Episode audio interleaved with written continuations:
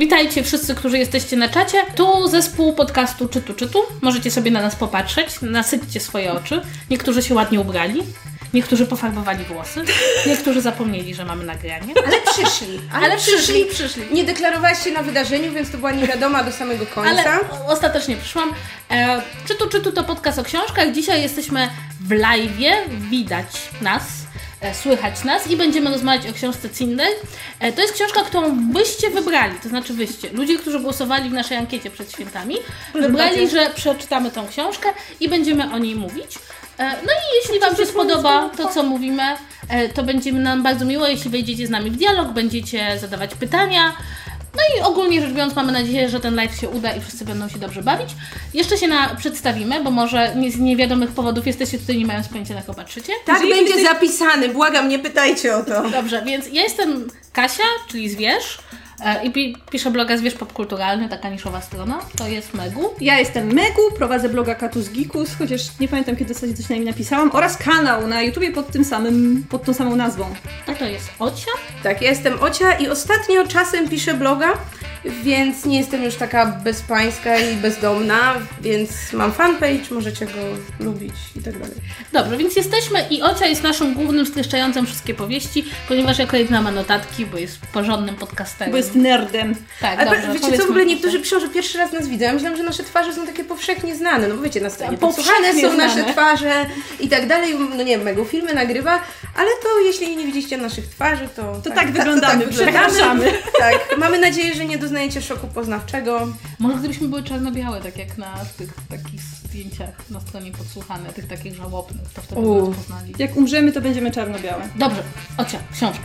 Książka, tak, więc my najpierw sobie trochę pogadamy o książce między sobą, potem liczymy, że Wy nam e, powiecie coś, co Wy sądzicie, albo pozadajcie nam pytania, a jak wystarczy nam czasu, będziecie nas pytać o co tylko chcecie, niekoniecznie o Cinder. Ale zaczynamy od naszej wspólnej książki. Cinder autorstwa Marysy książki, tak Meyer, jakbyśmy ją napisały. Naszej wspólnie omawianej. O, No nie czytamy.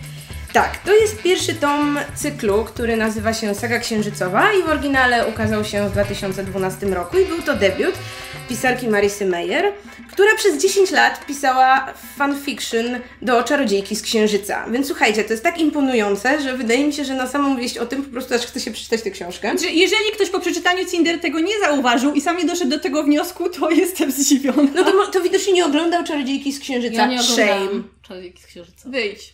Koniec live'a. Dosyć, wychodzimy. Rozpad podcastu. A sama powieść Cinder powstała jako dziecko na Nowrimo. Jeśli ktoś z Was pisze, to pewnie kojarzy. To jest taki projekt, gdzie przez jeden miesiąc po prostu pisze się w takim zabójczym tempie, tam nie wiem, 50 tysięcy słów w ciągu miesiąca i tak powstał zarys Cinder. I tak, książka łączy w sobie bardzo dużo różnych elementów. Tym pierwszym, najbardziej rzucającym się w oczy jest oczywiście retelling baśni o Kopciuszku. Tylko, że tutaj w takich futurystycznych dekoracjach, ponieważ mamy świat po czwartej wojnie światowej, nie wiadomo ile dokładnie lat czy wieków minęło od czasów, które znamy teraz. Yy, mamy zupełnie inny geograficzny podział świata i akcja powieści osadzona jest w miejscu, które nazywa się Wspólnota Wschodnia, konkretnie w stolicy w Nowym Pekinie. A tego istnieje sobie jakaś ogólna Unia Ziemska, gdzieś tam jest Europa jako jeden byt. Oczywiście osobno jest Wielka Brytania, no bo oni nie są Europą. Osobno jest Unia Afrykańska, Ameryka, Australia. E, no i e, z, nie, z nieznanych nam przyczyn wspólnota wschodnia wciąż rządzona jest przez cesarza, mimo że monarchia jest już jeszcze mniej powszechna niż teraz w tym świecie.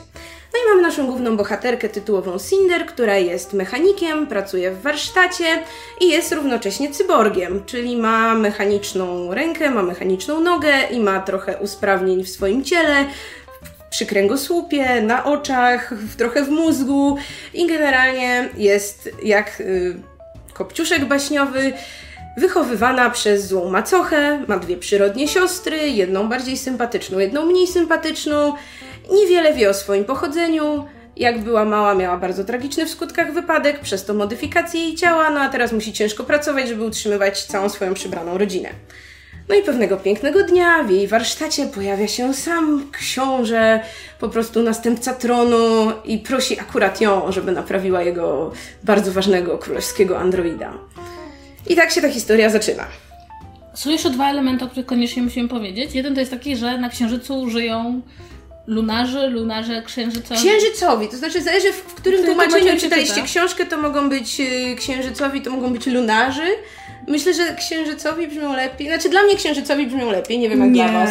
A druga sprawa, już o tłumaczeniu pogadamy później, bo akurat mam taką możliwość. Druga sprawa to jest taka, że w tym, w tym świecie szaleje zaraza, która rozprzestrzenia się bardzo szybko i na którą nie ma lekarstwa. I Jak się nazywa to zaraza po polsku? W tej wersji nazywa się litumoza. Lichtumoza. Y, Okej. Jeśli ktoś czytał starą wersję, to nazywała się tam letumozis. Czyli nie przetłumaczyli. Bo ja, ja nigdy nie czytałam tej książki po polsku. Ja czytałam Czy- po angielsku i po polsku i potem porównywałam tłumaczenia. Ja czytałam tylko jedno tłumaczenie, bo jestem leniwa. E, Dobrze, więc e, to jest taki ogólny zarys fabuły. No i od razu zacznijmy od tego, że książka to jest takie bardzo young adult, to znaczy... To jest young adult, nie da się być bardziej young adult niż Znaczy nie, tylko, nie, nie chodzi mi tylko o fabułę, ale mam też tak, także wrażenie, że e, tak jak czasem young adult powiedzmy może być kierowany zarówno do kilkunastolatków, jak i do takiej starszej młodzieży, prawda? To znaczy od 11-latków do powiedzmy 19-latków, to tutaj miałam wrażenie, że takim idealnym targetem jest- tej książki jest dziewczyna koło lat 13-14. To znaczy miałam wrażenie, że to jest raczej taka młodsza nastoletnia młodzież. Tak, i jak się spojrzy na zdjęcia jakichś spotkań, które Marissa Meyer ma ze swoimi fanami, to tam jest mnóstwo właśnie dziewczynek w tym wieku. One w ogóle cosplayują postacie z tych książek, się O. przebierają za nie wszystkie, więc to jest urocze. No bo nie ma w tej książce za bardzo takich poważnych, doroślejszych wątków. No na, nawet sam romans jest poprowadzony bardzo niewinnie. Yy, no szalejące zarazy czy wojny, no to jest gdzieś tam w tle. Więc wydaje mi się, że tak naprawdę y, nie ma jakiejś takiej, powiedziałabym, tej dolnej granicy wiekowej, kiedy po tę książkę by nie można sięgnąć. No jeśli... Ani górnej. Tak, jeśli ktoś oglądał właśnie, nie wiem, ma 10 lat, skończył oglądać Czerdzikę z Księżyca, to wydaje mi się, że też ta książka krzywdy mu nie zrobi. Tak więc jest taka bardzo uniwersalna wiekowo. Znaczy, ja o tej książce muszę Wam powiedzieć tak, że ja ją czytałam dosyć dawno temu, jakoś nie, nie, nie na długo po tym, jak ona wyszła w USA. To był bodajże 2014 rok czy 13. I miałam wtedy taki okres, że czytałam całe tony Young Adult i wychodziło mi już uszami i miałam powoli dość tego gatunku i po prostu szukałam na długą podróż samochodem książki, która będzie totalną szmirą, żebym nie musiała przy niej za bardzo milcze- y, milczeć, myśleć.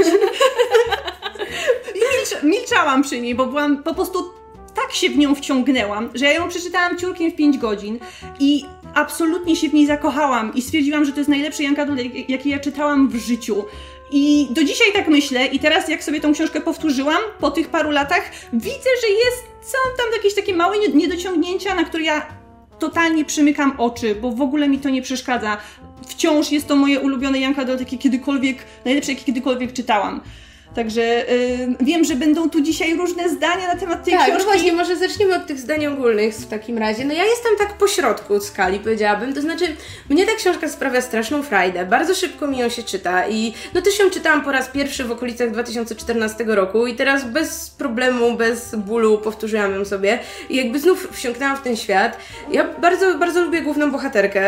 Mm, i nie przy kolejnych, nie przy wszystkich kolejnych tomach jakby ten stan się utrzymuje, ale właśnie Cinder jest jedną z tych moich ulubionych postaci. Jakby bardzo tak się angażuję w te ich losy, jak to czytam, zawsze mnie złości, jak tam wiecie, zła macocha, ją tam dręczy, tam zabiera jej nóżkę czy coś, to po prostu jestem taka w środku wściekła, że o, jak tak w ogóle można. Więc działa gdzieś tam na te moje nastoletnie emocje, ale jest też oczywiście cała masa wątków, które no są takie, no wiecie, totalnie infantylne albo totalnie przewidywalne, że no nie obraziłabym się, jakby ich w tej książce nie było. Tak więc, no ma wady, ma zalety. No więc ja przeczytałam tą książkę, ponieważ e, nasi czytelnicy wybrali tą książkę, no ale byłam przez Was nastawiona, że to będzie jakieś takie ciekawe przeżycie dla mnie i nie było. To znaczy, to nie jest tak, że ja nienawidzę tej książki, ale mam wrażenie, że autentycznie będąc w moim podeszłym wieku powyżej 30 lat jestem troszeczkę za stara już na tą fabułę. Być może gdybym nie czytała jej dlatego, że ją wybrali czytelnicy, gdybym nie miała Waszego polecenia, byłabym miło zaskoczona, bo ona jest napisana dobrym językiem, nie popełnia pewnych tragicznych błędów, jakie potrafią popełniać książki Young Adult. Niemniej jednak mam wrażenie, że troszkę wyrosłam z identyfikowania się z tego typu bohaterkami. Jakby nie miałam na żadnym, w żadnym momencie nie miałam na zasadzie o mój Boże, i ona idzie do tego pałacu i tam będzie książę i oni się spotkają. Miałam raczej takie, no i bohaterka idzie do tego pałacu, co jakby, jak masz taki dystans, to jest trudniej się wczuć w tę książkę. Jest ona fajnie przeprowadzona, chociaż powiem szczerze, że no ten element retellingu, który ma świetny punkt wyjścia. Zgadzam się, że w ogóle pomysł, żeby Kopciuszek był Kopciuszkiem z trochę innego powodu jest bardzo fajny. To niestety, o ile ten motyw retellingu jest fajny, o, o tyle sama budowa tego świata, co ja zwykle lubię w książkach najbardziej. To znaczy, czy ten świat jest w jakiś sposób tak nasycony różnymi szczegółami, elementami, że ja mogę się jakby wczuć tu miałam poczucie, że to jest taka dekoracja, że, Mhm. że jest bardzo dużo. Oczywiście, to jest pierwszy tom sagi, więc jakby nie, nie wiem, ile z tych rzeczy wydało mi się powierzchowne, bo jeszcze nie wiem, co będzie dalej. Wy wiecie, co będzie dalej, co jednak wpływa na odbiór. Ale miałam takie wrażenie, że zarówno ten świat przedstawiony, to co, czego się o nim dowiadujemy, jak i też ten główny konflikt, jaki tam jest pokazany między mieszkańcami Ziemi a mieszkańcami Księżyca, no jest troszeczkę dla mnie zbyt płaski, zbyt blisko nas, ale czasem nawet ta historia trzyma się oryginal, oryginalnej opowieści o Kopciuszku. W sensie w swojej prostocie, czy... W prostocie w tym, że jakby układ postaci jest tak bardzo mi dobrze znany. E, Poza tym mój wielki problem z tą książką jest to, że ona jednak trochę polega na tym, że cię zaskoczy. Że jest jakaś tajemnica, która się rozwiązuje. E, Niestety, Ktoś był zaskoczony. Mam wrażenie, nie, ja, to nie chodzi o to, czy my jesteśmy zaskoczeni, tylko jak ta książka jest napisana. Że autorka liczyła, że ktoś będzie zaskoczony. Choć trochę, a, a tutaj absolutnie nie ma zaskoczenia. Tak. Być może gdybyśmy miały po 13 lat czytając tę książkę, to byłoby to dla nas wielkie zaskoczenie. Dlatego ja nie uważam, że ta książka jest zła, bo jest rzeczywiście bardzo sprawnie napisana, natomiast i na przykład ma całkiem urocze postacie i, i, i całkiem sympatyczne sceny. E, natomiast ma, miałam absolutnie czytając tę książkę wrażenie tak pierwszy raz w swoim dorosłym życiu, że jestem za stara. Ojej. że jestem po prostu za stara, żeby się identyfikować z bohaterką i że pewne jakby jej stany emocjonalne już do mnie nie przemawiają zupełnie. E, Natomiast e, jedno z zastrzeżeń, które mam, jest to takie zastrzeżenie, które chyba należałoby roz, rozciągnąć na cały Janka Dart, ale mi naprawdę przeszkadza, to to, że kiedy nasza bohaterka spotyka tego księcia i każda następna scena świadczy o tym, że między nimi jest jakaś taka wielki, wielki związek, że oni się rozumieją lepiej, że oni się czują Taka swobodnie, chemia, nie? taka chemia. Ja mam takie, mam duży problem z książkami, które coś takiego robią z bohaterami, ale nie dają żadnej przestrzeni, żeby oni cokolwiek o sobie wiedzieli. Oni mają tą chemię tylko i wyłącznie na zasadzie, że spojrzeli na siebie, on się uśmiechnął, no i to już po prostu jest zupełnie inny związek między nimi tą dziewczyną, a niż między nim a jakąkolwiek inną dziewczyną. I to mi z czasem zaczęło przeszkadzać, bo ja jednak fajnie byłoby, gdyby oni się w jakimkolwiek temacie jakimś luźnym dogadali, mieli cokolwiek, rzucili jakimś dowcipem, który oboje rozumieją. A tak jest to takie bardzo uproszczone wyobrażenie o tym, że po prostu wystarczy, że ktoś na ciebie spojrzy, uśmiechnie Plus się. to tak naprawdę to, co oni o sobie wiedzą, to znaczy to, co on o niej wie, to tak naprawdę on wie o niej same fałszywe rzeczy. I na tym bazuje wszystko to, co on myśli, albo to, co on czuje, tak? No bo y, nie, nie wiem, czy chcę spoilerować, czy nie, na razie powiedzmy... Ja mam nadzieję, że wszyscy się przygotowali, odrobili zadanie domowe i sami przeczytali tę książkę. No więc jakby mamy, ona skrywa tak dwa głów, główne sekrety przed nim w jakimś momencie, czyli po pierwsze to, że jest cyborgiem, a po drugie to, że jest księżycową. I on się dowiaduje o tym wszystkim na 10 ostatnich stronach i jakby nawet to nie ma tak, nie, nie ma czasu wybrzmieć, nie ma jakichkolwiek konsekwencji, jakiejkolwiek wagi, nie ma, nie ma czasu, y, jakby, żeby on mógł się zastanowić, nie wiem, czy mu to przeszkadza, żeby ona mogła mu dokładnie na przykład powiedzieć, dlaczego tego nie wyjawiła, czy cokolwiek, prawda? To jest wszystko takie na samym końcu upchnięte szast, prast, każda tajemnica jedna za drugą, a potem jeszcze, jeszcze pięć stron przed końcem, tak, to ona jest zaginioną księżniczką. No, Kończymy książkę. Prawda Znaczy, ja- ale- konstrukcja tej książki taka jest. To są te trzy księgi. W pierwszej jest początek, wolno rozwijany początek historii, w którym się praktycznie nic nie dzieje. Druga, która już masz zawiązanie akcji, a potem w tej trzeciej nagle skumulowanie rzeczy, które dzieją się naraz. I zarówno pod względem retellingu opowieści, to znaczy tych wątków, jak i pod względem tego, co się okazuje, ile jest napięcia, w którym momencie nasza bohaterka odkrywa swoje supermoce. E, Bardzo wygodnym zawsze. E, Jakby, i ja mam wrażenie, że to jest wada czytania Cinder, przynajmniej z mojego punktu widzenia, jako osobnej książki. To znaczy, jak to się czyta w cyklu, tak, to, to się właśnie- łatwo przechodzi w następne... Zwłaszcza jeżeli chodzi o jej związek z księciem, e, warto jest później prześ- prześledzić sobie dokładnie ten wątek em, w następnych częściach, ponieważ kiedy to się wszystko złoży w całość, to widać, że autorka nie podchodziła do tego tak jak niestety podchodzi się do romansów w większości young adult, to znaczy masz wielką insta love, która wybucha jak, y, jak podpalona, podpalona gwiazda, tylko tutaj w tej pierwszej części ona bardziej to kreowała jako taką pierwszą miłość, zauroczenie, które niekoniecznie musi się przerodzić w wielką miłość na całe życie. I ja to strasznie doceniam. Poza tym Cinder jest dla mnie tak dobrą książką, dlatego że mimo bycia young adultem bardzo ładnie rozwiązuje tę większość young- adultowych tropów, z którymi inne książki sobie nie radzą i które zawalają. Na przykład yy, bardzo dużo, nie większość, ale bardzo dużo głównych bohaterek to typowe merysujki, a jednak Cinder jest y, o wiele sympatyczniejszą i lepiej napisaną bohaterką z jakimś charakterem. Jej związek z księciem jest na tyle subtelny i nie monopolizuje całej fabuły, że romans nie jest wkurzający. Nie ma trójkąta. Nie ma trójkąta, o mój Boże, jak wspaniale, że nie ma trójkąta. Ja po prostu nie przestanę tego podkreślać. Ja nienawidzę trójkątów w Young Adult. I, I podejrzewam, że w innych książkach też, ale w tych szczególnie. I fakt, że nie ma tu jakiegoś, wiecie, kolesia, który jest bucem, albo który coś tam, i między którymi ona musi wybierać, to jest tak wspaniałe. W ogóle w tym cyklu nie ma trójkątów. Nie ma trójkątów w tym, w tym cyklu. No, fajnie. Kasia nas nie rozumie. Nie, znaczy, ja, ja, ja ci powiem, że nie, ja rozumiem, że jestem w stanie za, założyć, że na tle innych powieści Young Adult e, to jest e, dobra książka, jakby lepsza niż... Nie włączyłam tego. No trudno. No trudno. Oh well. E, lepsza niż e, inne. Ja nie czytam Young Adult hurtowo, czytałam trochę tych książek i podejrzewam, że też bardzo przebranych, bo czytałam te, które zrobiły się sławne także poza samym gatunkiem. No tylko tutaj mój jakby problem polega na tym, że może rzeczywiście ta bohaterka nie jest Mary Sue, chociaż z drugiej strony Przepraszam, matematycy je kochają. Pozdrawiamy matematyków.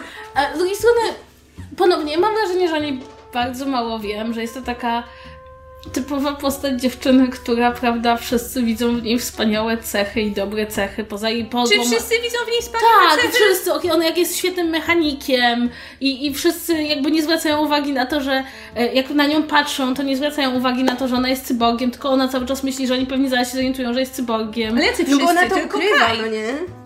Poza... Doradca księcia też nieufnie Nie do niej podchodzi. nie wiem, ja mam takie wrażenie, że nie, że ta naprawdę, że jakby, no nie jest to Tam nie bardzo... ma aż tak wiele postaci spoza jej kręgu rodzinnego, Mm. które mogłyby nawiązywać z nią jakieś relacje i ewentualnie ją w jakiś sposób ocenić, bo tylko to jest Nie Kai, wiem, ja mam, ja mam takie Lewana, Tak, jej macocha i te, no i Nie dwie siostry. to Nie już rodzina, ja czytając to, to, to, o tej bohaterce miałam takie wrażenie, że no może ona nie jest Mary Sue, zwłaszcza, że jak już wiemy, nie lubimy tego pojęcia, ale no nie jest to jakoś wybitnie napisana postać. No jest to taka typowa postać dziewczyny e, oparta na takim bardzo nastoletnim konflikcie, prawda, że w, e, prawda, nie czujesz się dobrze w swoim ciele. Ona ma taki powód, prawdopodobnie dziewczyny w tym wieku mają inny powód, żeby się nie czuć zbyt dobrze w swoim ciele, ale ostatecznie nie miałam takiego wrażenia, żeby zetknięto mnie z jakąś naprawdę fajnie e, poprowadzoną postacią, zupełnie inaczej niż, niż dotychczas.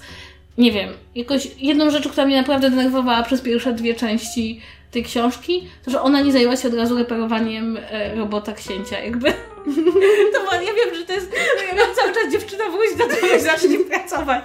Ale to może jest moja pracoholika. Bo ona tyle rzeczy musiała reperować w międzyczasie. Zaraz, musiała sobie naprawić auto, którym miała zamiar uciec, żeby wyzwolić się spod wpływu Tak, macochy i zacząć samodzielne Musiała życie. zajmować się chorą siostrą. Priorytety. Pojmali ją Nie, na ja bym, ja, bym, ja, jednak, ja bym jednak samochód zreperowała po Androidzie. Ja uważam, że to źle ustawia swoje Ale ona nie wiedziała, że w Androidzie jest magiczny chip, który No pozwoli on! rozwiązać książę, tajemnicę. książę przychodzi i zostawia ci Androida, to wiadomo, że w środku jest magiczny chip. A potem płaci ci, m, przynosząc ci rękawiczki. Jakby tak. To było trochę... To było trochę żenujące, no nie? Jakby.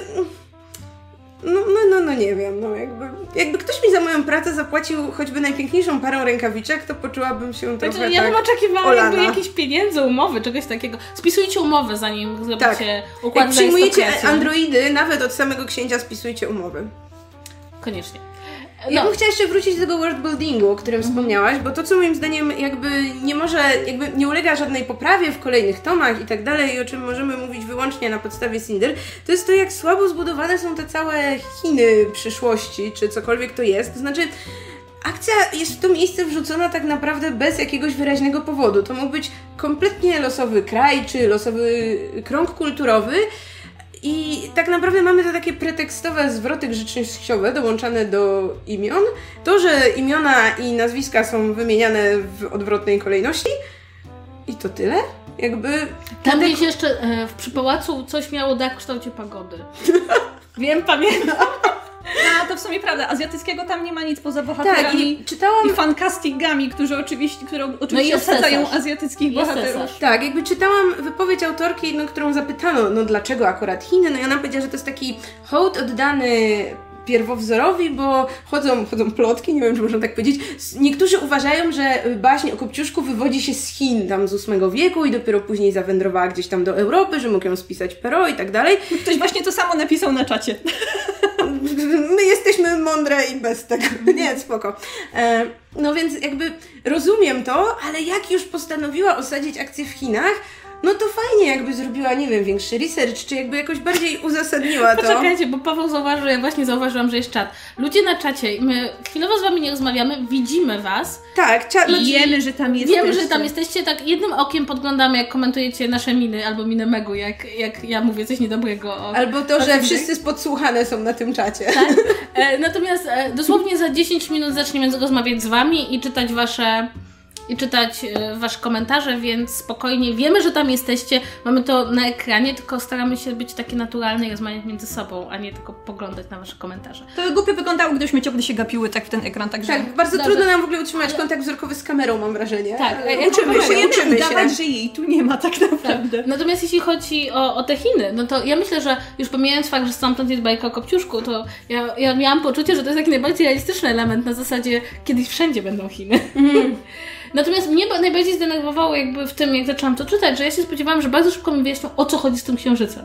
Znaczy, Mhm. co, co, co, No nie, to, chodzi? to akurat I to trwa ileś i, i, to, I to jest dla mnie o tyle problematyczne, że musisz się zaangażować w pewien konflikt, wiesz, że coś jest nie tak i to jest z jednej strony dosyć fajne, kiedy nie mówią ci od razu wszystkiego w pierwszym rozdziale pierwszego tomu, bo ja to bardzo lubię, ale jednak chciałabym wiedzieć więcej już gdzieś na poziomie tej książki. To znaczy, to trzeba zdać, zdać sobie sprawę z tego, że to była seria planowana od razu na ileś książek i autorka bardzo dawkuje nam wszystkie informacje, ale ona naprawdę to wszystko później wyjaśnia i rozwija jakoś ten świat, rozwija ten księżyc, jego mitologię, nie mitologię, ale tę historię, która tam za nim się Historię kryje. Lewany przede wszystkim, bo To w tej osobnej książce to jest książce. postać tak bez motywacji, taka bardzo papierowa, chyba najbardziej ze wszystkich. Oj, strasznie. A Lewana dostaje swoją potem jakby takie pół książki swoje. Taka, ta, to była taka nowelka dodatkowa i ona była bardzo dobra. Mnie się Mhm. Strasznie podobało, jak zarysowała jej motywację, rozwój postaci, to w jaki sposób ta postać doszła do obecnego momentu. Ale to jest w ogóle dosyć ciekawe, bo rozmawiamy jakby, bo ja mam takie bardzo duże wrażenie, że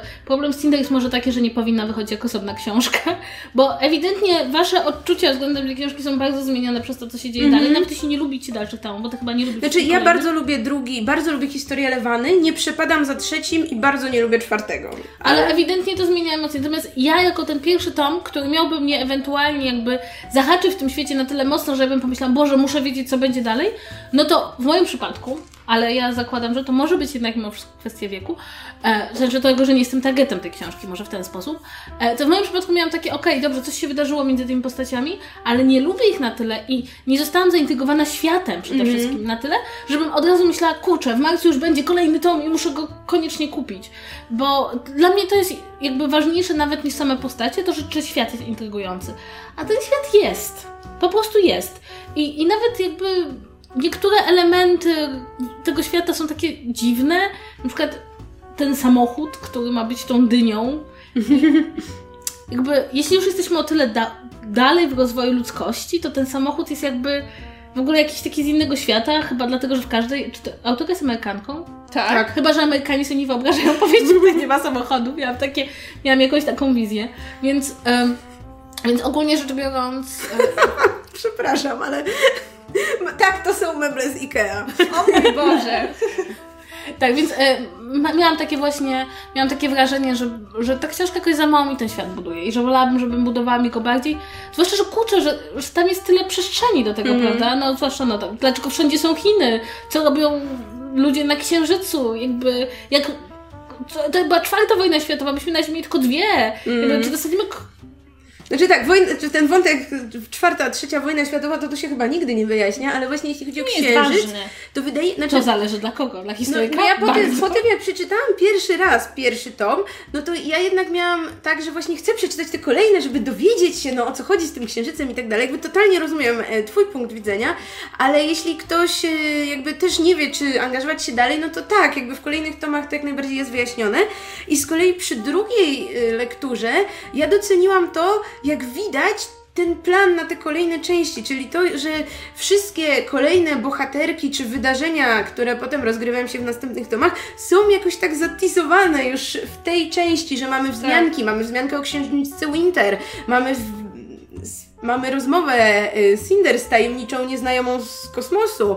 Mamy ten wątek, że Lewana buduje swoją armię. Czemu ci ludzie wyglądają tak dziwnie? Dlaczego ich zmodyfikowano? I Czemu... mamy wątek, że Lewana zaczyna poszukiwać księżniczki i wysyła swój, swo, swoje oddziały pościg za ludźmi, którzy pomogli jej uciec, co jest Mhm. związane bezpośrednio z tym, jak się zaczyna następna książka. Nie wiem, czy ktoś pamięta w ogóle.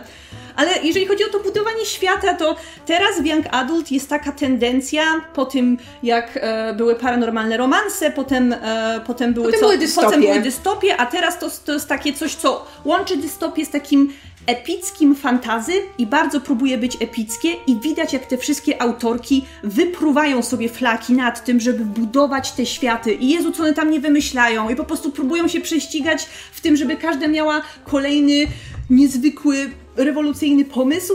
I widać tak strasznie, że one to robią na siłę. I dlatego ja doceniam, że tutaj to jest takie Ale proste. widzisz, ale widzisz, Mogu, bo mi się wydaje, że to jest tak, no okej, dobra, nie wszystkie autorki robią to dobrze, ale ogólnie worldbuilding jest dobro, dobrym pomysłem i e, jasne, ja mam, ja mam wrażenie, że nasza różnica właśnie polega na tym, że ty czytałaś bardzo dużo książek i wiesz, że ta książka na tle się wybija. I rzeczywiście, jeśli ktoś szuka dobrego Janka Dalej, to ja bym tego nie odradziła. Ale z drugiej strony miałam tak, czytając takie wrażenie, że tam jest właśnie za bardzo to jest wydestylowane jednak mimo wszystko, że jakby nie możesz się na przykład Trudno byłoby ci się zakochać w świecie tych opowieści, ponieważ nie wiesz, jaki jest świat tych opowieści. Ja się zakochałam, więc ja nie, nie widzę problemu. Dobra, słuchajcie, ale miałyśmy porozmawiać o czymś, na czym ja się nie mogę wypowiadać, w związku z tym nie mogę Wam zepsuć zabawy, czyli o No. tłumaczenie. Dlatego, że Ty słuchałaś i czytałaś po angielsku. Tak. E, Ty czytałaś oba tłumaczenia, to stare i to nowe? y, może nie do końca czytam. Znaczy tak, pierwszy raz odczytałam po angielsku całą serię. Teraz czytałam to nowe wydanie, czyli o właśnie to, które stoi za nami. To jest wydanie wydawnictwa Papierowy Księżyc. Który i nie płaci nam za reklamę. nie płaci. W ogóle wydawnictwo nie chciało z nami gadać, więc nie lubimy ich, ale no wydają musiałaś to tego wydają. mówić. Y, Nie dostaniemy żadnej więcej książki z tej serii. Nie, Tak nie, się pali chcę- most. Nie, chcę podać, podać, kto tłumaczył, no bo też często jesteśmy o to pytane, więc ten nowy przekład y, jest autorstwa Magdaleny Grajce, ale też parę lat temu pierwsze dwa tomy jedynie, bo nie cała seria, ukazała się nakładem wydawnictwa Amber i to tłumaczyła pani Dorota Konowrocka. I ja to tłumaczenie sobie dzisiaj jakby tak otworzyłam i czytałam sobie wyrywkowo, głównie po to, żeby sprawdzić, y, co zrobiono z nazwami własnymi.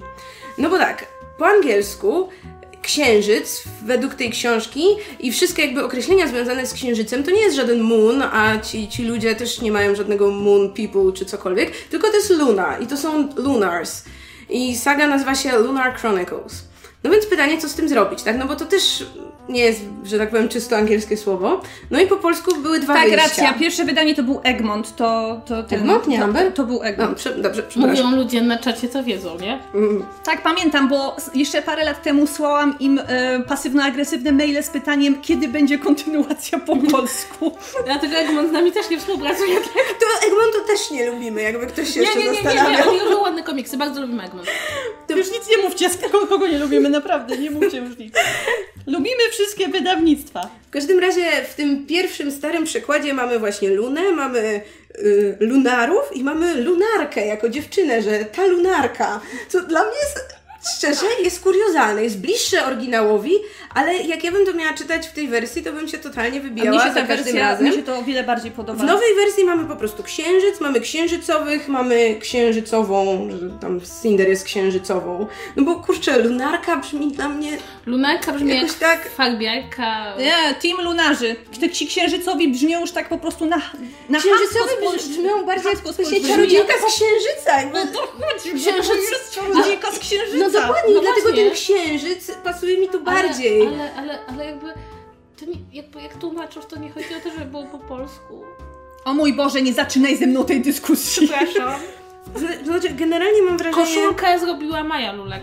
Pokaż. E, tak, e, chwila na reklamę. E, wchodźcie na koszulkowo, kupujcie koszulki Mai Lulek. Tak, Maję lubimy, więc jest ktoś, Aha, kogo to Maja napisała. polecamy. Dobrze, brawo, wracamy do brawo. książki, wracamy do książki. To była przerwa na reklamę. Tak, i jeszcze chciałam, bo tam w tej książce jest też ktoś taki, e, kto włada magią, powiedzmy, i tak dalej. Chodzi mi, tam jest postać, ona się nazywa Sybil Mira i jest, po angielsku to się nazywa Thaumaturge. No i teraz tak, po polsku. W tym nowym przykładzie mamy po prostu takie przełożenie dosyć dosłowne, mamy nowe słowo i to jest taumaturgiczka. Ale słuchajcie, w starym przykładzie mamy, uwaga, uwaga, cudotwórczyni. I nie, nie podoba mi się to tak strasznie. Mi się oba mi się, nie podobają. Mi się ta tauma... Traumatu... Ta- jakby- mi się bardzo podobało, to było coś takiego fajnie tajemniczego, nie do końca jakby było to słowo, które spotykasz na co dzień. Fajnie brzmiało w kontekście tego tych księżycowych, którzy są tacy jacyś tajemniczy i to jest takie fajne słowo, bo ono samo w sobie brzmi jak zaklęcie, nie? Trochę. Ale ona nie używała magii. Znaczy, no, Ona nie była magiczką taką, wiecie, jak no tak, ale rozumiemy to, to słowo się kojarzy Ona była jej jeśli, głównym doradcą. jeśli ktoś dużo grał w RPG, to tam To czasy magów tak. się nazywają mniej więcej w tym stylu. No Nie, znaczy Bo moim zdaniem to było akurat, to, to, to było akurat bardzo trafne tłumaczenie. Megu, ty chyba jesteś troszeczkę emocjonalnie przywiązana do niektórych rozwiązań tłumaczeniowych, mam wrażenie. To ty nie, zauważyłaś? Tak to widać? Niemożliwe. Aczkolwiek, y, znaczy, więc mnie się teoretycznie bardziej podoba nowy przekład, aczkolwiek znalazłam w nim jeden błąd, który mnie totalnie wkurzył. I muszę o nim powiedzieć, bo zrobiłam już research na jego temat. Mianowicie, tam jest taka scena, jak książę Kai rozmawia z y, tymi właśnie panującymi, czy tam pre- prezydentami, premierami z innych krajów. No i jest przedstawiciel Australii, który po angielsku nazywa się Governor General. No i w starym przykładzie mamy gubernatora generalnego, czyli no generalnie w tym kręgu Australii, Oceanii bardzo często takie stanowisko jest. W nowym przykładzie mamy, słuchajcie, generał gubernator, To wiedziałam. co jest kuriozalne, znaczy, no wynika ewidentnie z tego, że tłumaczka nie sprawdziła, no bo to jest po prostu nazwa stanowiska, która no istnieje w naszym świecie. Ten człowiek nie jest generałem, jakby... Ale też No. mnie to zastanowiło, bo czy to znaczy, że nadal, nadal jest Commonwealth? Jest Commonwealth w angielskiej wersji to jest nazwa używana na, Nie. ten, e, na to Wiem. Imperium Wschodnie, No tak. nie? Jakby, że to jest Commonwealth. To jest skomplikowane, ale, w- ale w każdym razie, ja powiem szczerze, że jeśli chodzi o samo takie tłumaczenie, jak to się czytało, no, to pod tym względem miałam wrażenie, że to się czyta absolutnie bez żenady. To znaczy czasem to Janka Dalt, e, to, że ono jest napisane trochę niekiedy prostszym językiem, takim dla młodszego nieco czytelnika, sprawia, że po polsku książka brzmi bardzo słabo. To znaczy autentycznie brzmi jakby ktoś nie znał słów po polsku. E, bo się próbują oddać tą taką prostotę. To było bardzo przyjemne tłumaczenie. Takie po polsku było. Paweł zrobił już ankietę, czy lunarze, lunarze czy księżycowi, więc możecie głosować w tej ankiecie, tam na czacie macie napisane gdzie. Tak. Na kogo byście nie zagłosowali, ktoś się obrazi. Prawdopodobnie będę to ja. Nie, tam było dużo team lunarzy, więc... Pewnie ci, którzy czytali w pierwszym. Bo ogólnie To trochę zależy tak jest, tak, który- że jak się czytało w pierwszym tłumaczeniu, to potem kolej, każde kolejne jest zbrodnią i człowiek ma takie, Boże, co wyście zrobili z moją książką? Dlatego najlepiej czytać Wokina. Ale powiem, że to jest ciekawe, że to jest w sumie, no wiecie, taka no prosta książka, nie jakiś obiekt późniejszych, nie wiem, analiz literackich czy przykładoznawczych, która ma dwa tłumaczenia, które można sobie usiąść i porównywać. I tak sobie pomyślałam, że jakbym pisała teraz mój, moją pracę licencjacką, to dokładnie z tego bym ją pisała. O, bardzo fajny temat. Na pewno lepszy temat niż omawianie komizmu w książkach Małgorzaty Musierowicz przełożonych na japoński. Zgadnijcie, kto napisał taką pracę magisterską. Y, Ja mam pytanie i ja je muszę zadać. Wytłumaczcie mi, jak do tego doszło i jak ona mogła, że moja ulubiona youtuberka Lindsay Ellis powiedziała w swoim filmie, że Cinder jest gorszą książką od zmierzchu. Jak, ja, jaki tor myślowy doprowadził Może- do takiego okropnego wniosku? Jed- Jedyny, znaczy powiem tak, mnie ta wypowiedź potwornie wkurzyła, ale jedyne usprawiedliwienie, jakie widzę, to to, no, że może Zmierzch czytała w jakimś, nie wiem, młodszym wieku niż Cinder i miał, ma jakiś sentyment związany z tą książką, czy cokolwiek, no bo jakby na każdej płaszczyźnie worldbuildingowej, wątku miłosnego, tego, y, nie wiem, ile jest fajnych pomysłów wsadzonych w książkę, poziom literacki w ogóle, to jak to jest napisane, no to, no come on, no Cinder bije Zmierzch Właśnie dlatego tego totalnie nie na rozumiem. głowę. Trzeba mieć po prostu ogrom złej woli albo jakąś traumę w życiu. Ja nie wiem, może ją coś złego spotkało, żeby Nie, dojść no do takiego Można. Cinder totalnie nie lubić, ale powiedzieć, że jest gorsza od zmierzchu, to jakby... Znaczy, Ja, Nie, nie, nie jedyna kumam. rzecz, na której bym się mogła zastanowić, bo ja ogólnie rzecz biorąc em, jakby w ogóle nie wiem jak, jak porównywać te dwie książki, no bo to, że one obie One są są jak inne. to są, one są zupełnie inne, zwłaszcza, że jedna jakby e, wprowadza element fantastyczny do świata, a druga tworzy fantastyczny świat, to nie jest do końca tym samym, no to być może pierwszy tom Zmierzchu wprowadza odrobinę więcej budowania świata. Jakkolwiek nie byłoby to złe budowanie świata, to z góry powiedzmy, to jednak e, po tym pierwszym tomie Zmierzchu troszeczkę więcej wiemy o, o tych wszystkich niesamowitościach, które dzieją się dookoła. E, Co nie zmienia faktu, że jakby e, Cinder nawet jest prostą historią, to jest taką historią, która jest kompletnie bezpieczna. To znaczy, jest to historia, którą można dać młodej dziewczynie e, czy młodemu chłopakowi i oni sobie przeczytają i dowiedzą się, że niezależnie od tego, jak dobrze czy źle się czujesz w swoim ciele, to, to ktoś tam na ciebie czeka i że ludzi wcale tak nie obchodzi, jak wyglądasz i że tak naprawdę trzeba się nauczyć żyć ze swoim ciałem, nawet jeśli ono nie jest tak Idealne, jak, jak się wyglądało. I podejrzewam, że to jak masz 13 lat, to to nie jest ważne, czy masz metalową nogę, czy masz pryszcze. To jest mniej więcej ten sam poziom e, emocjonalnej dramy. To znaczy w przełożeniu na Wolałabym książkę. metalową nogę Znaczy, chyba w wieku lat 13. Przełożenie na książkę, oczywiście nie na, nie na realne nasze życie. E, natomiast, e, natomiast Zmierzch ma przede wszystkim bardzo, bardzo szkodliwą, e, szkodliwy przekaz, jeśli chodzi o to, e, jak, jak powinien wyglądać związek i jak powinny wyglądać emocje w związku. I to jest rzecz, która czyni Zmierzch dużo, dużo gorszą książką, niż by w rzeczywistości była, prawda? Bo, bo gdyby nie było tego takiego bardzo złego, toksycznego sp- sposobu pokazywania relacji damsko-męskiej, to można byłoby Zmierzch zakwalifikować po prostu jako bardzo średnią, średnie romansidło dla, dla dziewczynek, no, czy, czy, czy nastolatek. Więc jakby to jest jedna z tych rzeczy, która jakby oddziela te książki raz na zawsze, że jedną możesz po prostu dać e, młodemu człowiekowi być pewnym, że nie nauczy się z niej niczego niedobrego, a drugą jak dasz, no to może sobie na przykład wbić do głowy, że chłopak macie prawo śledzić i to jest romantyczne. Tak, jeśli nie wchodzi ci w nocy przez balkon do pokoju i nie patrzy jak Mhm. śpisz, to nie kocha wystarczająco mocno. Tak, e, tak, więc jakby, natomiast to, to w ogóle jakby odnoszenie się do tego filmiku jest o tyle dziwne, że on był, on był dziwnym założeniu, bo ten filmik, okej, jesteśmy na YouTubie, omawiamy inne filmiki na YouTubie, jej, zakładał, że literatura młodzieżowa, bo ktoś zapytał, czy istnieje polski odpowiednik Janka Dalt i możemy chyba Literatura więcej- młodzieżowa. Literatura młodzieżowa będzie najlepszym tym, em, najlepszym pojęciem. Literatura młodzieżowa ma jednak mimo wszystko pewne zadania. Każdy, prawie każde. To znaczy nie tylko chodzi o to, żeby rozbawić i dać przyjemność i fajnie zbudować postacie, ale jednak, jednak oczekuje się tą odrobinę morału czy odniesienia się do problemów nastolatków. Jest to w jakiś sposób wpisane w ten gatunek. No i można to zrobić lepiej albo gorzej. I niezależnie od wszystkiego, jak się komu dobrze czytało, zmierz to, zmierz robi to źle, Cinder robi to przyzwoicie. To znaczy jakby przyzwoicie wybiera swój temat i przyzwoicie go rozgrywa i nie zalicza żadnych kiksów po drodze. To znaczy, ja bym nie, ja bym nie powiedziała, żeby, żeby celem Cinder było ujęcie jakichś konkretnych problemów, z którymi zmagają się nastolatkowie. Ja bym powiedziała, że głównym motywem, jaki stał za powstaniem tej książki, była chęć tego retellingu, Ale- ale nie- inspirowana mocno czarodziejką z Księżyca. Nie, ale to nie musi być motywacja. Nie mówię, że to musi być motywacja do powstania książki, tylko że jest częścią gatunku. Jakby jak motywacja do powstania książki, podejrzewam każdej prawie książki młodzieżowej, to jest jakiś fajny pomysł, jaki, Tak, jaki się ma, ale jeśli mogę wtrącić, bo autorka zaczęła, na jakiś konkurs literacki napisała opowiadanie czy mikropowieść, y, gdzie wykorzystała postać kota w butach i stwierdziła, że tak jej się podoba ten pomysł właśnie mieszania wątków baśniowych z jakby jej autorskimi, z takim światem przyszłości, że ko- na kolejną właśnie taką całą swoją serię obrała te najpopularniejsze baśnie. I Tak, ale chodzi mi o to, nie, nie chodzi mi o to, że to stoi jakby, napiszę o książkę o samoakceptacji i piszesz ksagę, ksi- nie wiem, Cinder, tylko że jak piszesz taką książkę skierowaną do młodego czytelnika, to myśląc o nim, czy w ogóle starając się wykreować realnego młodego czytelnika, wcześniej czy później odnosi się najprawdopodobniej do jakichś problemów w wieku dorastania, bo to jest po prostu naturalne, tak? Więc i to jest wpisane w ten gatunek. Ja chyba nie znam żadnej powieści tak naprawdę Janka Dal, która by kompletnie ignorowała e, fakt, że przemawia do młodego czytelnika, na którego w jakiś sposób wpływa i coś mu przekazuje. No, każda powieść próbuje coś przekazać lepiej albo gorzej. Czy to jest ten moment, kiedy przechodzimy do czatu i odpowiadamy na pytania związane z Cinder? Tak, ja myślę, że to jest... Bo tak żeśmy się Słuchajcie, rozgadały, obiecałyśmy e, Wam trochę ludzie na więcej czacie, uwagi. Ludzie na czacie, my teraz patrzymy na to, co piszecie, dosłownie. I wy to widzicie, że my patrzymy na to, co piszecie. E, W związku z tym, jeśli macie jakieś pytania, uwagi, coś do czego chcecie, żebyśmy się konkretnie odniosły, to to jest moment, w którym możecie to napisać i my to zobaczymy. I w tym momencie wszyscy zamilczą. Czy wy mnie tam obgadywaliście na tym czacie? Co byście tam pisali? Coś, że cię policja ścigała. Co? Się... Nie, żartuję.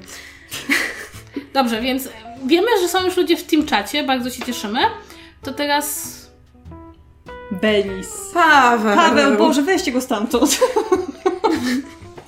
Dobrze, wy patrzycie, że patrzymy, to może coś napiszecie, macie jakieś pytanie, nie muszą do W sensie możecie pisać, jeśli pytaliście wcześniej, a myśmy to Kiedy zignorowały. koszulki? Dobrze. Kiedy koszulki? Nasze No koszulki więc jeszcze tak, to koszulki z logo, no to wtedy jak Paweł zrobi, bo logo i- ma Paweł, a koszulki z naszymi autorskimi tekstami, wtedy jak któraś z nas skopiuje je z tego miejsca, gdzie są i wklei w rozmowę z Pawłem. Tak, Może zająć miesiące. tak, ale poczekajcie, jest pytanie dotyczące, dlaczego Megu najbardziej lubi drugi tom, a najmniej trzeci? A ja tego wcale nie powiedziałam, bo wbrew pozorom ja Może nas nie lu- mylą. Y, Pewnie nas mylą, to... y, To, to jest Megu? Ja się nie odwoływałam w ogóle do tego, który tom lubię. Y, Jeżeli ktoś naprawdę chce wiedzieć, to ja drugiego tomu bardzo nie lubię. To jest tom, który mi się najmniej podobał. Najbardziej lubię trzeci, bo to jest tom, który wyszedł, kiedy ja miałam największy hype na tę serię i bardzo na niego czekałam. Poza tym w tomie trzecim bardzo dużą rolę odgrywa moja absolutnie ulubiona postać w tej serii, czyli Kapitan Thorn, który jest absolutnie cudowny, jest totalną zżynką z Hanna Solo i e, I tego ze z wszystkich awanturników, tak. I tego z Roszpunki, jak się nazywał, Julian, ale jest rewelacyjną żynką i ja go kocham i dlatego trzeci tom jest moim ulubionym. Winter jest e, do przeczytania, ale dlatego, że kończy, e, kończy wątki wszystkich postaci, ale jako, jako opowieść o samej księżniczce Winter jest średnia, bo to jest moja najmniej ulubiona postać w tej serii. chyba. Pytacie, ile jest tomów? Bo to jest tak, głównych tomów jest cztery, no bo mamy Cinder, Scarlet, Cress i Winter. Mamy tak zwany tom 3,5, Ferris, poświęcony Lewanie. I mamy coś, co zostało wydane jako zbiór opowiadań, y, gdzie są zebrane krótkie nowelki, które autorka pisała na Wattpadzie i je można było generalnie w internecie za darmo czytać, plus tam chyba dopisane jakieś jedno A teraz w tym momencie wychodzi jeszcze komiks. Ja nie wiem, Wychodzi czy komiks, którego bohaterką jest Iko. Aiko? Iko? Nie wiem. Nie wiem, ja czytam Iko, przepraszam, jeśli Dobrze, czy razi. irytowało nas e, otwarte zakończenie Cinder? Nie, dlatego Nie. że ono nie jest otwarte, tylko to jest ewidentnie pierwszy tom cyklu. Gdyby to była jedyna książka, to byłoby irytujące, ale ja miałam wrażenie, że po prostu mam do czynienia ze zwykłym cliffhangerem i wszystkiego, co chcę wiedzieć, dowiem się w następnym, e, w następnym tomie. Co myślicie o wątku szpitala i o postaci doktora? Em, On jest taki... mnie się podoba to, że on nie jest, y, nie jest pozytywną postacią. Tam Mhm. na, na samym końcu wychodzi to, że on naprawdę zrobił coś strasznie złego. Tak y, trochę z niby wyższych, ale trochę własnych pobudek. Dlatego doceniam to, że nie ma tam takich, takiego idealny, ide- idealnego podziału na czarno-białe postacie. Podoba mi się ten wątek, który jakby w Cinder jest dopiero zasygnalizowany, czyli to, co on mówi o skorupkach. Yy, I to są skorupki po polsku? tak, w starym Tak. tłumaczeniu to są skorupy, w nowym tłumaczeniu są skorupki, czyli jajka. shell, jeśli ktoś czytał po angielsku, czyli te dzieci, które rodzą się na Księżycu i nie posiadają swojego daru iluzji. Yy, tak, więc jakby jeśli kogoś Glamour zaciekawił ten jest wątek... iluzja, tak? Nie Nie, pamiętam. nie pamiętam, jak to tam... Więc jeśli kogoś zaciekawił wątek doktora, to nie spoilerując, ten wątek wróci. I wydaje mi się, że to jest y, też właśnie fajne, że ta postać jeszcze coś ma do odkrycia przed czytelnikiem i jest jedną z ciekawszych w sadze, no bo właśnie nie jest taka czarno-biała, nie wpisuje się tak bardzo w tę taką baśniową dychotomię. Tam było pytanie, czy Fairy jest to prequel. Tak, on, on opowiada o wszystkich tych wydarzeniach, do których nawiązuje finał Cinder, to znaczy skąd się wzięli niektórzy bohaterowie na Ziemi, jak to się stało, także to tam wszystko Tak, jest. dlaczego Lewana jest jaka jest. Tak. E, co sądzimy o Kaju? Ja powiem szczerze, że książę Kaj jest, Kaj jest. bardzo, bardzo porządnym księciem. To znaczy, robi wszystkie rzeczy, które książę powinien robić. Podejrzewam, że w wyobraźni każdej czytelniczki ma e, te przystojne rysy przystojnego księcia deftlautowego. A mnie z kolei właśnie książę się wydawał taki strasznie miałki, znaczy on w tej książce, nic od niego nie zależy w tej Nie no, książce. Znaczy on jakby... No on typowy nic nie robi, to znaczy No wiecie, on typowy jest taki książę, trochę no. przerzucany między tym, co Ale robi Cinder, tym, co robi? Lewana, no nie? No, Nie, ale ja, miałam, ja taką, miałam wrażenie takiej dobrej disneyowskiej tradycji. No No właśnie- od księcia kiedykolwiek cokolwiek zależy. ja cały czas przez te nawiązania do Czardziejki z Księżyca ja w nim widziałam takiego totalnego mamoru, który jest taką po prostu... O mój Boże, dlaczego ja sobie go nie wyobrażam jako mamą? Ja nie W, mo- w oglądałam mojej, w mojej głowie książę miał twarz mamoru i był taki równie mało bystry jak nie, mamoru, ja- który nie ja mógł się skapnąć, Mamoru. że Usagi jest czarownicą z Księżyca tam przez 50 odcinków czy coś w tym stylu. I to dokładnie jest bystrość Kaja w tej książce. E, sekundkę, czy Czekaj, jak oceniamy relację między Cinder i jej przybraną siostrą? Czy jest wspomniana w późniejszych tomach? O, jeżeli w ogóle chodzi o tą siostrę, tą dobrą siostrę, mi się mi tam mylą. E, Pioni. Pioni to była ta dobra siostra. to ta, jest która wątek wzięty już nie z, wróci. z tego filmu, z adaptacji Kopciuszka, w którym jedna siostra była dobra, a, to jedna jest była zła. zła. To W nie jest... kontynuacji disneyowskiego Kopciuszka też tak jest w jakimś momencie. Tak. Bo przecież to nie jest wątek, który się pojawiał w oryginalnej Mhm. baśni. To było dawno, dawno temu. Tak się nazywał ten film. Tak, był taki film. Tak. To znaczy, ogólnie I to jest bardzo fajne. Znaczy, z jednej strony jest fajne, z drugiej strony, jak wszystko w tej książce jest tak kliźnięte troszeczkę tylko. To znaczy, No bo to ona Znaczy, umiera. Mnie było bardzo przykro, że ona umarła i trochę się nawet Ale nie ja spodziewałam, że autorka zdobędzie się na to, żeby ubić taką, wiecie, Ale ja w ogóle, dziecko. ale ja w ogóle nie znałam. Jak miało mi być przykro? To jest właśnie problem. Ja miałam z tą książką wrażenie, że z jednej strony ona bardzo powoli rozwija fabułę, z drugiej strony ja bardzo mało wiem o bohaterach tak naprawdę. O, masz złą macochę. Okej, to jest twoja zła macocha, to jest twoja dobra siostra, to jest twoja zła siostra. O, twoja do, zła, dobra siostra umarła. Poznałam ją 10 k- stron temu, w związku z tym nie mam z nią żadnej więzi, wiesz. A czy Pearl wraca? Wydaje mi się, że wraca, że wraca i Pearl i Macocha. To jest właśnie pytanie, czy przybrana rodzina Cinder wraca w późniejszych Tak. Wraca. tomach. To jest, y, ten wątek dostaje takie małe zamknięcie w ostatnim tomie, kiedy wydarzenie się z powrotem, to, to był Nie pamiętam, tom? w- absolutnie Tak. nie pamiętam w którym tomie, Kiedy się znowu ale... przenoszą wydarzenia wszystkie na ziemię na chwilę. Tak, albo to było w trzecim, albo w czwartym. Ale to nie jest aż takie ważne. Największy problem e, mam z niechęcią do cyborgów.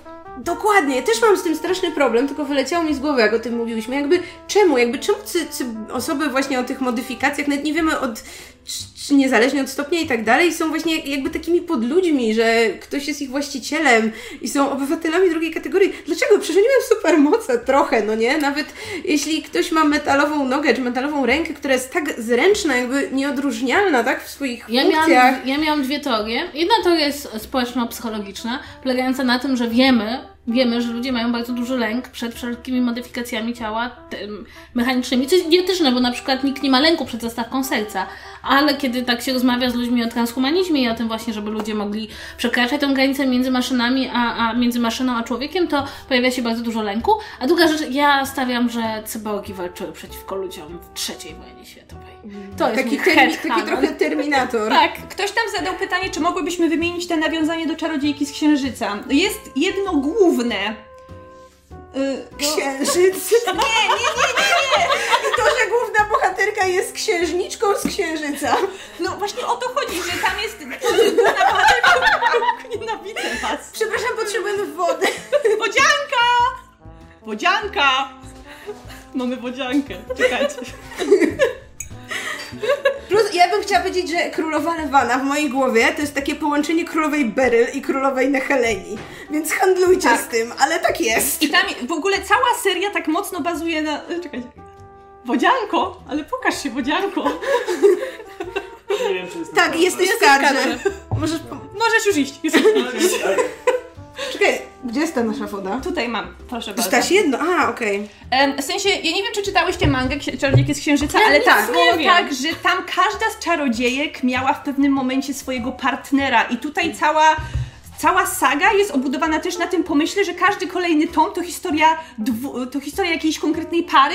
Wiadomo, że każda z nich ma potem swojego chłopaka i to jest też takie mocne nawiązanie do tego, do czarodziejek, bo tam też każda miała swojego, e, swoje, swojego e, Boyfrienda. boyfrienda. Może jakaś się czuję wykluczona z Ale tego to trzeba by było czytać mangi, bo w anime tego nie Tak. było, bo chodzi tutaj o tych podładnych królowej Beryl, Kuncajte, Zoisajte, jak oni się tam nazywali jeszcze? Jadeite? Jakoś Jadeite coś w tym i stylu, oni nie? byli od kamieni, już Tak. nie pamiętam, może ktoś sobie przypomni na czacie. Nie wiem, jaki kamień to...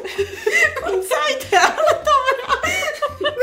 Słuchajcie, może wróćmy, wróćmy do tematu, na który ja się mogę powiedzieć. Dobrze, co tam jest dalej? Mm, Scarlett. Czy w następnych tomach Cinder odgrywa istotną rolę, czy przewija się w tle? No w drugim tomie to jest tak pół na pół, znaczy Ja Scarlett czy ma więcej miejsca, jest. ale Cinder wydaje mi się, że jest ta cała jej ucieczka z więzienia. Od tego się jakoś gdzieś, tam gdzie się skończyła Cinder, tam mniej więcej losy Cinder zaczynają się w Scarlett, ale tak naprawdę to dopiero w późniejszych tomach jest jej chyba więcej, chyba w czwartym. W czwartym jest najwięcej, bo Bo czwarty czwarty tom jest generalnie bardzo gruby. Tak, i on to nie jest tak, że czwarty tom jest o księżniczce Winter, tylko on jest o wszystkich tych bohaterach już wtedy, którzy tworzą taką drużynę i, i, no, i muszą tam robić rzeczy, czy tam uratować cały ten świat, obalić lewany i, i tak dalej. Muszą robić rzeczy, to brzmi jak Nie wiem, bo doskonałe. to był jeszcze ten moment, Jak kiedy Nefrite, to był ten czwarty. Nefrite. Tam, Dziękujemy bardzo. Tak. dziękujemy. Dobra, słuchajcie, i to jest chyba. E, czy macie jeszcze jakieś pytania dotyczące fabuły książki? Nie było tego w mangach. To było ani w anime. A, Brawo. Dziękuję, dziękujemy, że ktoś nas słucha. Słuchajcie, bo mamy wodziankę i mamy technicznego. I mamy moderatora. Jak I tak. mamy moderatora. I W ogóle moderatora z nami nie musicie zrozumieć, że my jesteśmy takie niezależne i w związku z tym nasz livestream zaangażował prawie całe podsłuchane. Czy uwielbiamy poczucie kap- humoru kapitana Sorna? No Mego już mówiła, że uwielbia. Ja też, ja też Ja jeszcze się- nie znam kapitana Ja też, Sorna. ja, też, ja też e, uwielbiam, tak jak Mego mówiła, że widziała w nim Flina, tak? Flina z zaplątanych. Mhm. Ja widziałam w nim głównie Mala z Firefly'a, tylko tak trochę młodszego, nie? A, coś w tym jest, rzeczywiście. A, a. Ale to niestety jest tak, że jak potem e, Meyer napisała tą, tą kres, to już było parę lat po tym, jak wyszła disneyowska rozpunka i ona po prostu wzięła disneyowskie postaci i wsadziła je do swojej książki. Oni mają identyczne charaktery jak rozpunka i Finn, ale to jest wciąż fajne, bo oni są bardzo fajnie napisani. Czy w następnych częściach powraca wątek ojca Cinder? Chcę powiedzieć, że nie za bardzo? Nie. Nie. On jest, bo on się nigdy nie pojawia w książkach, nie wiadomo, Mhm. nie Ale z wiadomo drugiej strony, jest. ale z drugiej strony ja, ja, myśl, ja byłam absolutnie przekonana, że to, to będzie bardzo ważne. To znaczy, nie, to jeśli, jest jeśli mówicie o tym jakby nieważne. ojcu, który ją zmodyf- zmodyfikował, no bo to nie był jej ojciec, to Nie, był no, jakiś ale- koleś z A, ziemi, to który ją ogarnął, o którym no to jego mówimy. wątek na pewno nie powraca. Jeśli chodzi o wątek tego ojca jej na księżycu, no bo ona, czy jakiegoś tam króla, czy kogoś, to jak już, Nie, to Ferris mogłyby być jakieś... Ta, Fe, Feres jest to wy- wyjaśnione, ale to jest zupełnie nieważne. Ale właśnie No dla, mnie, tak. dla mnie ta postać tego ojca, e, tego jej ziemskiego, to było coś, co ja byłam przekonana, że to wróci, bo wydawało mi się, że to będzie ciekawe. E, W Scarlet Ale- jest bodajże powiedziane, kim on był, jak w ogóle do tego doszło, że Cinder trafiła na ziemię. Tak mi się, tak mi się wydaje. Jest pytanie Do do, ciebie, mnie, tak. czy będę czytać kolejny tom. Słuchajcie, e, sama z siebie z jednej strony nie mam takiej potrzeby, jakby nie, nie, nie, ta książka nie była we mnie ma takie emocje, że chcę sięgać po następny tom, ale z drugiej strony mam wrażenie, że jak nie przeczytam, to będę miała jedno przeżycie czytu czytowe mniej i po prostu zostanę wykluczona z tego podcastu i, i, i będziecie nawiązywały do rzeczy, do których ja nie będę rozumiała i w pewnym momencie zaczniecie się śmiać i będziecie dwiema najlepszymi przyjaciółkami, a nie będę mogła z wami rozmawiać i podcast się rozpadnie, więc tak, będę czytała Tak następne będzie. tomy. Jak, jak wyjdzie drugi tom, będziemy musiały zadecydować, czy z tej okazji robimy jego omówienie, czy co, ale A wychodzi już za niedługo. Wychodzi w marcu, więc... Może ja będę go czytać i zrobimy odcinek, w którym ja go czytam, wiecie, tak jak normalnie, książka tygodnia, a wy będziecie na mnie krzyczeć, że go nie lubię tak bardzo, jak powinnam. Nie, no ale powiedziałam ci, że już to już to mój najmniej ulubiony tom, więc możesz sobie Mogę, po nim mogę sobie powiedzieć. A może się okaże, że to właśnie będzie twój ulubiony i to dopiero No się właśnie. wtedy pożremy. Bo ja, ja, go ja go bardzo lubię, dlatego, bo mnie bardzo, się- znaczy najbardziej to była moja ulubiona para, która jest w drugim tomie, Dobra, czyli dobra, właśnie słuchajcie, i... będzie na pewno drugim tomie, ja już widzę, że Tak. po prostu emocje są odpowiednie. Boże, Megu, przepraszam, lub mnie, lub mnie dalej. E, czy następnym razem coś nie Janka Dalt? Ja chciałabym Wam przypomnieć, że myśmy to... Dały tego- do głosowania. Dały do głosowania i w tych, w tych książkach, które proponowałyśmy, było bardzo dużo różnych książek i był młodzieżowe, i Janka nowe, i to Dalt był chyba... chyba. A nie, jeszcze ja jeden, ten proponowałam aż- Janka Dalta. E, więc jakby to wyście go wybrali. Więc oczywiście my bardzo chętnie będziemy prowadziły takie rozmowy o innych książkach. Myślę, że jest w nas, jak sami widzicie, nam się dobrze rozmawia o książkach, wszystkich innych rzeczy. Ale umówmy się, jeżeli znowu zrobimy ankietę, to ja jestem przekonana, że wygra Janka Dalt. Chyba, że nie damy żadnej takiej opcji w ankiecie Zrobimy na przykład. ankietę i na przykład damy same reportaże. O. Nie, to, tak, to, tak, to taki mały fan Nie, no trochę. wtedy nikt nie przyjdzie na tego live'a. E, Pytają, pytają nas e, oglądacze, e, co sądzimy o okładkach. Okładki nowej wersji są rewelacyjne i są najfajniejsze ze wszystkich. Po, polskie pierwsze wydanie ukazało się z, Z oryginalnymi, jakby nowymi okładkami. W sensie, ale to poprzednie miało inne, mi, miało inne W okładki. sensie jest- tak, bo to to, są okładki z oryginalnego wydania amerykańskiego i są śliczne. E, jest jakieś pytanie, co sądzimy o retellingach baśni tego typu. Ja na przykład jestem wielką fanką. Ja też. Ja uważam, uwielbiam. Ogólnie rzecz biorąc, powiedzmy sobie szczerze, opowiadanie baśni polega na retellingu. Wszystkie baśnie, które my uznajemy za w jakiś sposób oryginalne, tak naprawdę są retellingiem innych baśni. E, I w baśniach zachowuje się w tych motywach, które zostają, ale także w tych, które zmieniamy, są taką olbrzymią spuścizną kulturową całego świata. To jest jedna z naj, najcudowniejszych rzeczy, jaką można badać.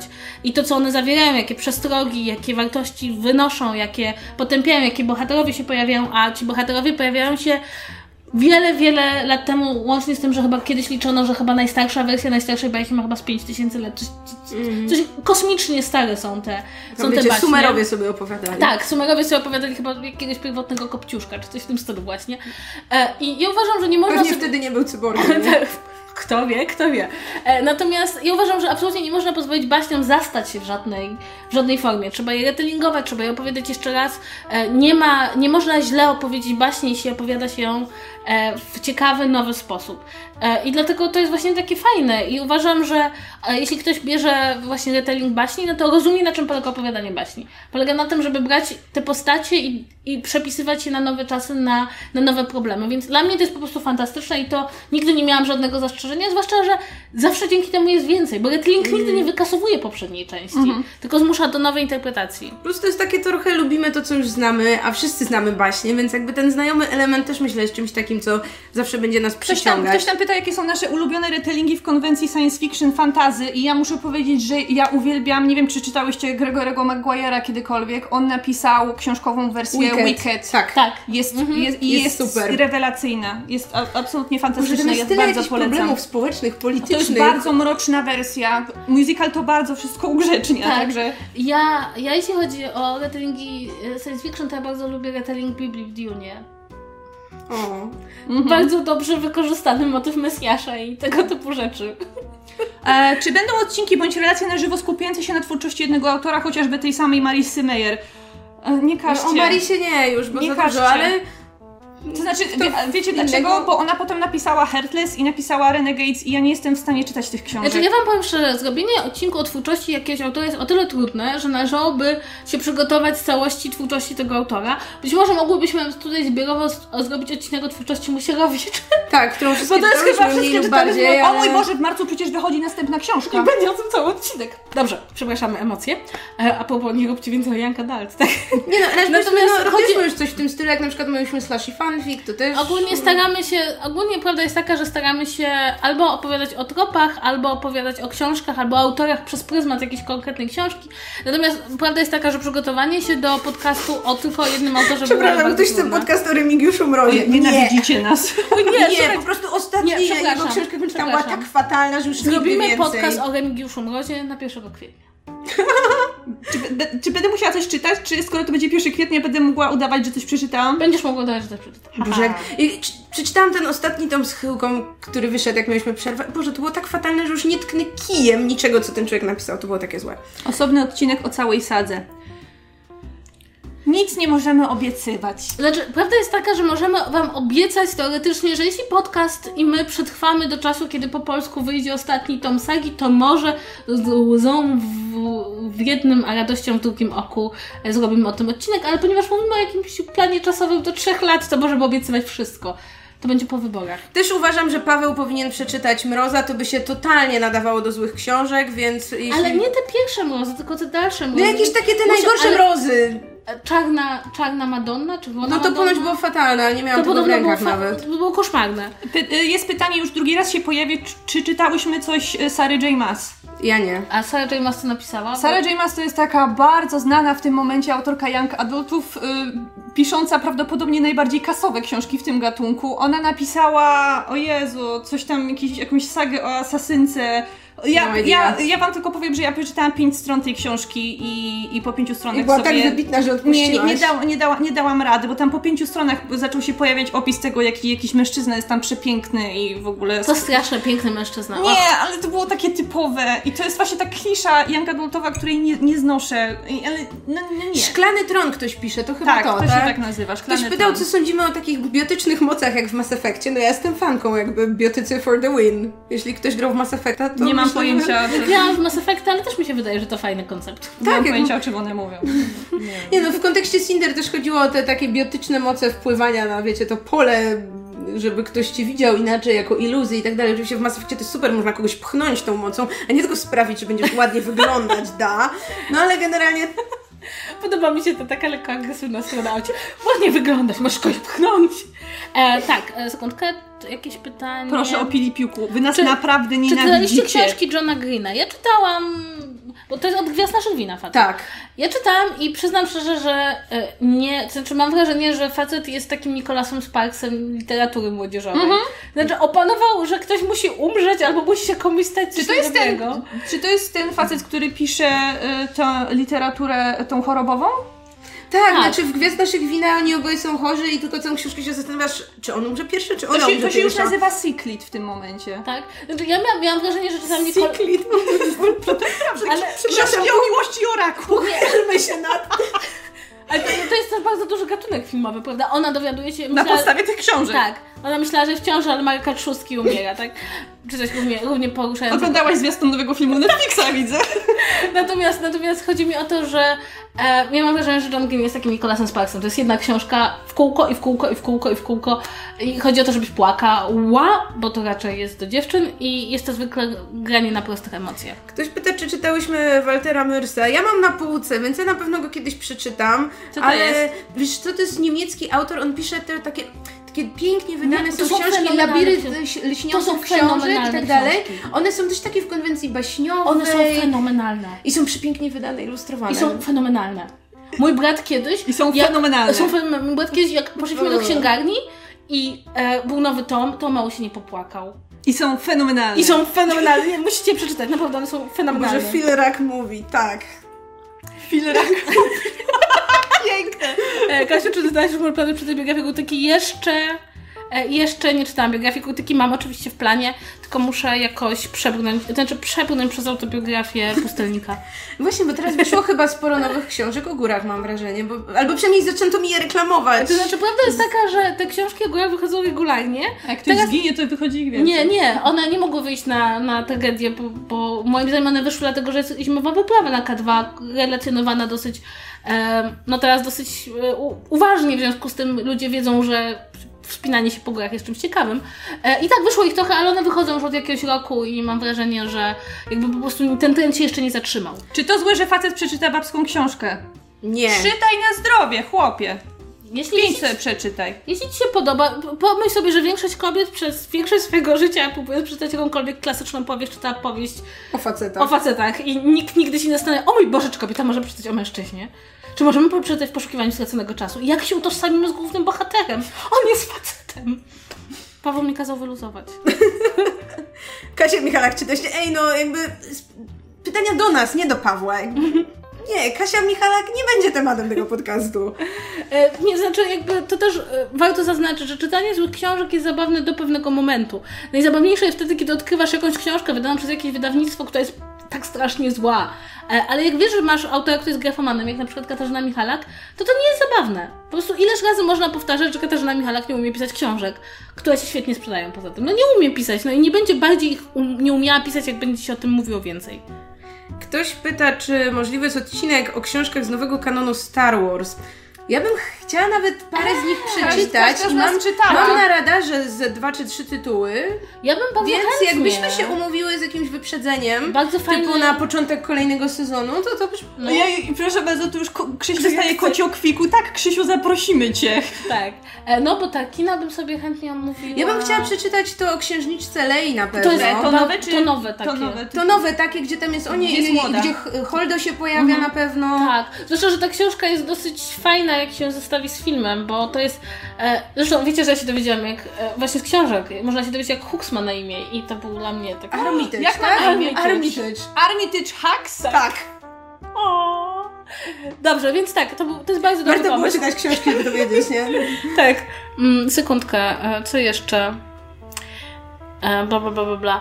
E, Czy będziecie omawiać gadżety do książek, czy około książkowych?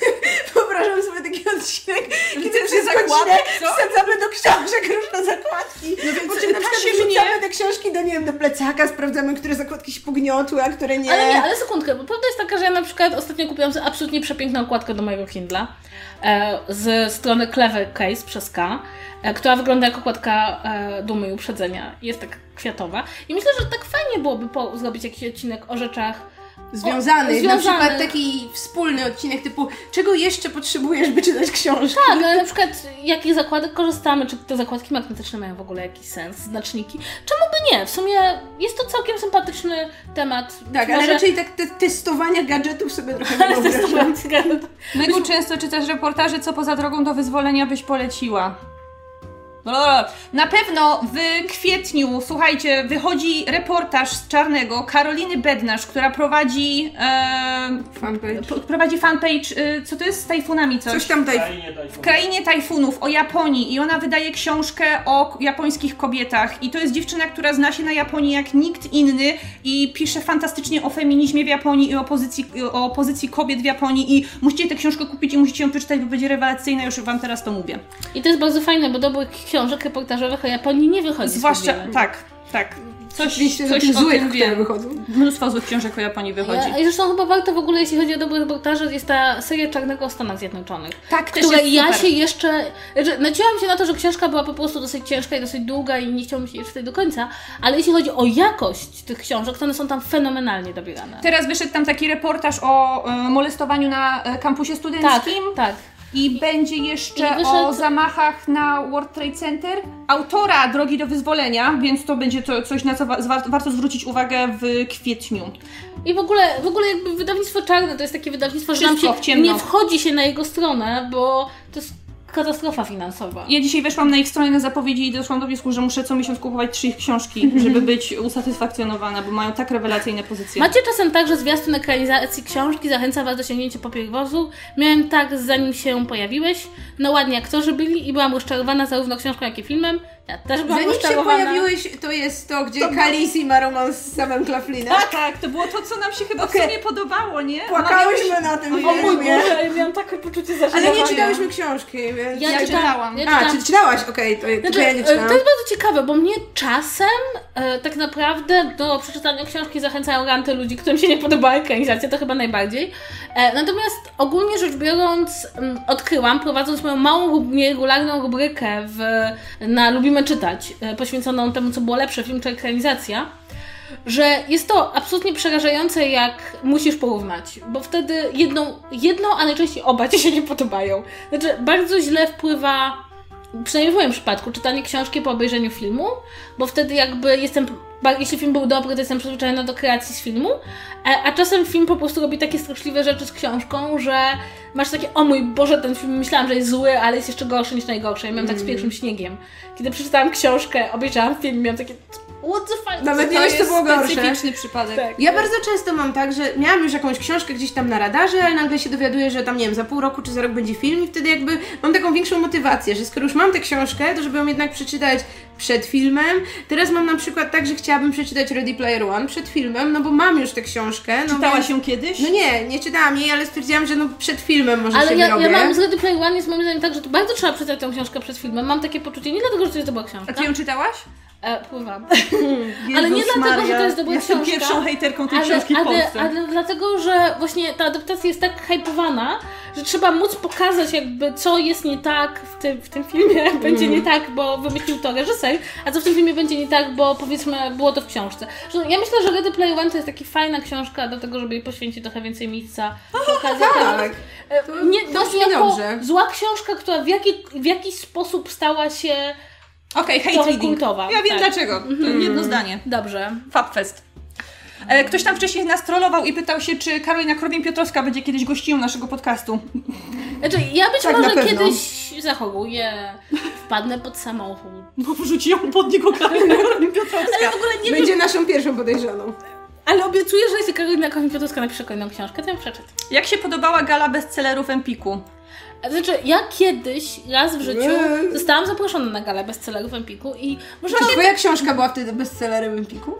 Chciałam powiedzieć, że próbowali mnie zaprosić na to w tym roku i po prostu w pewnym momencie przestali odpowiadać na moje maile, więc kim w oko? Więc ich też nie lubimy. Nie, wiem, znaczy, nie wiem o co mi problem, chodziło. Problem z bestsellerami Empiku jest... To, a ja chyba dostałam maila, tylko zignorowałam.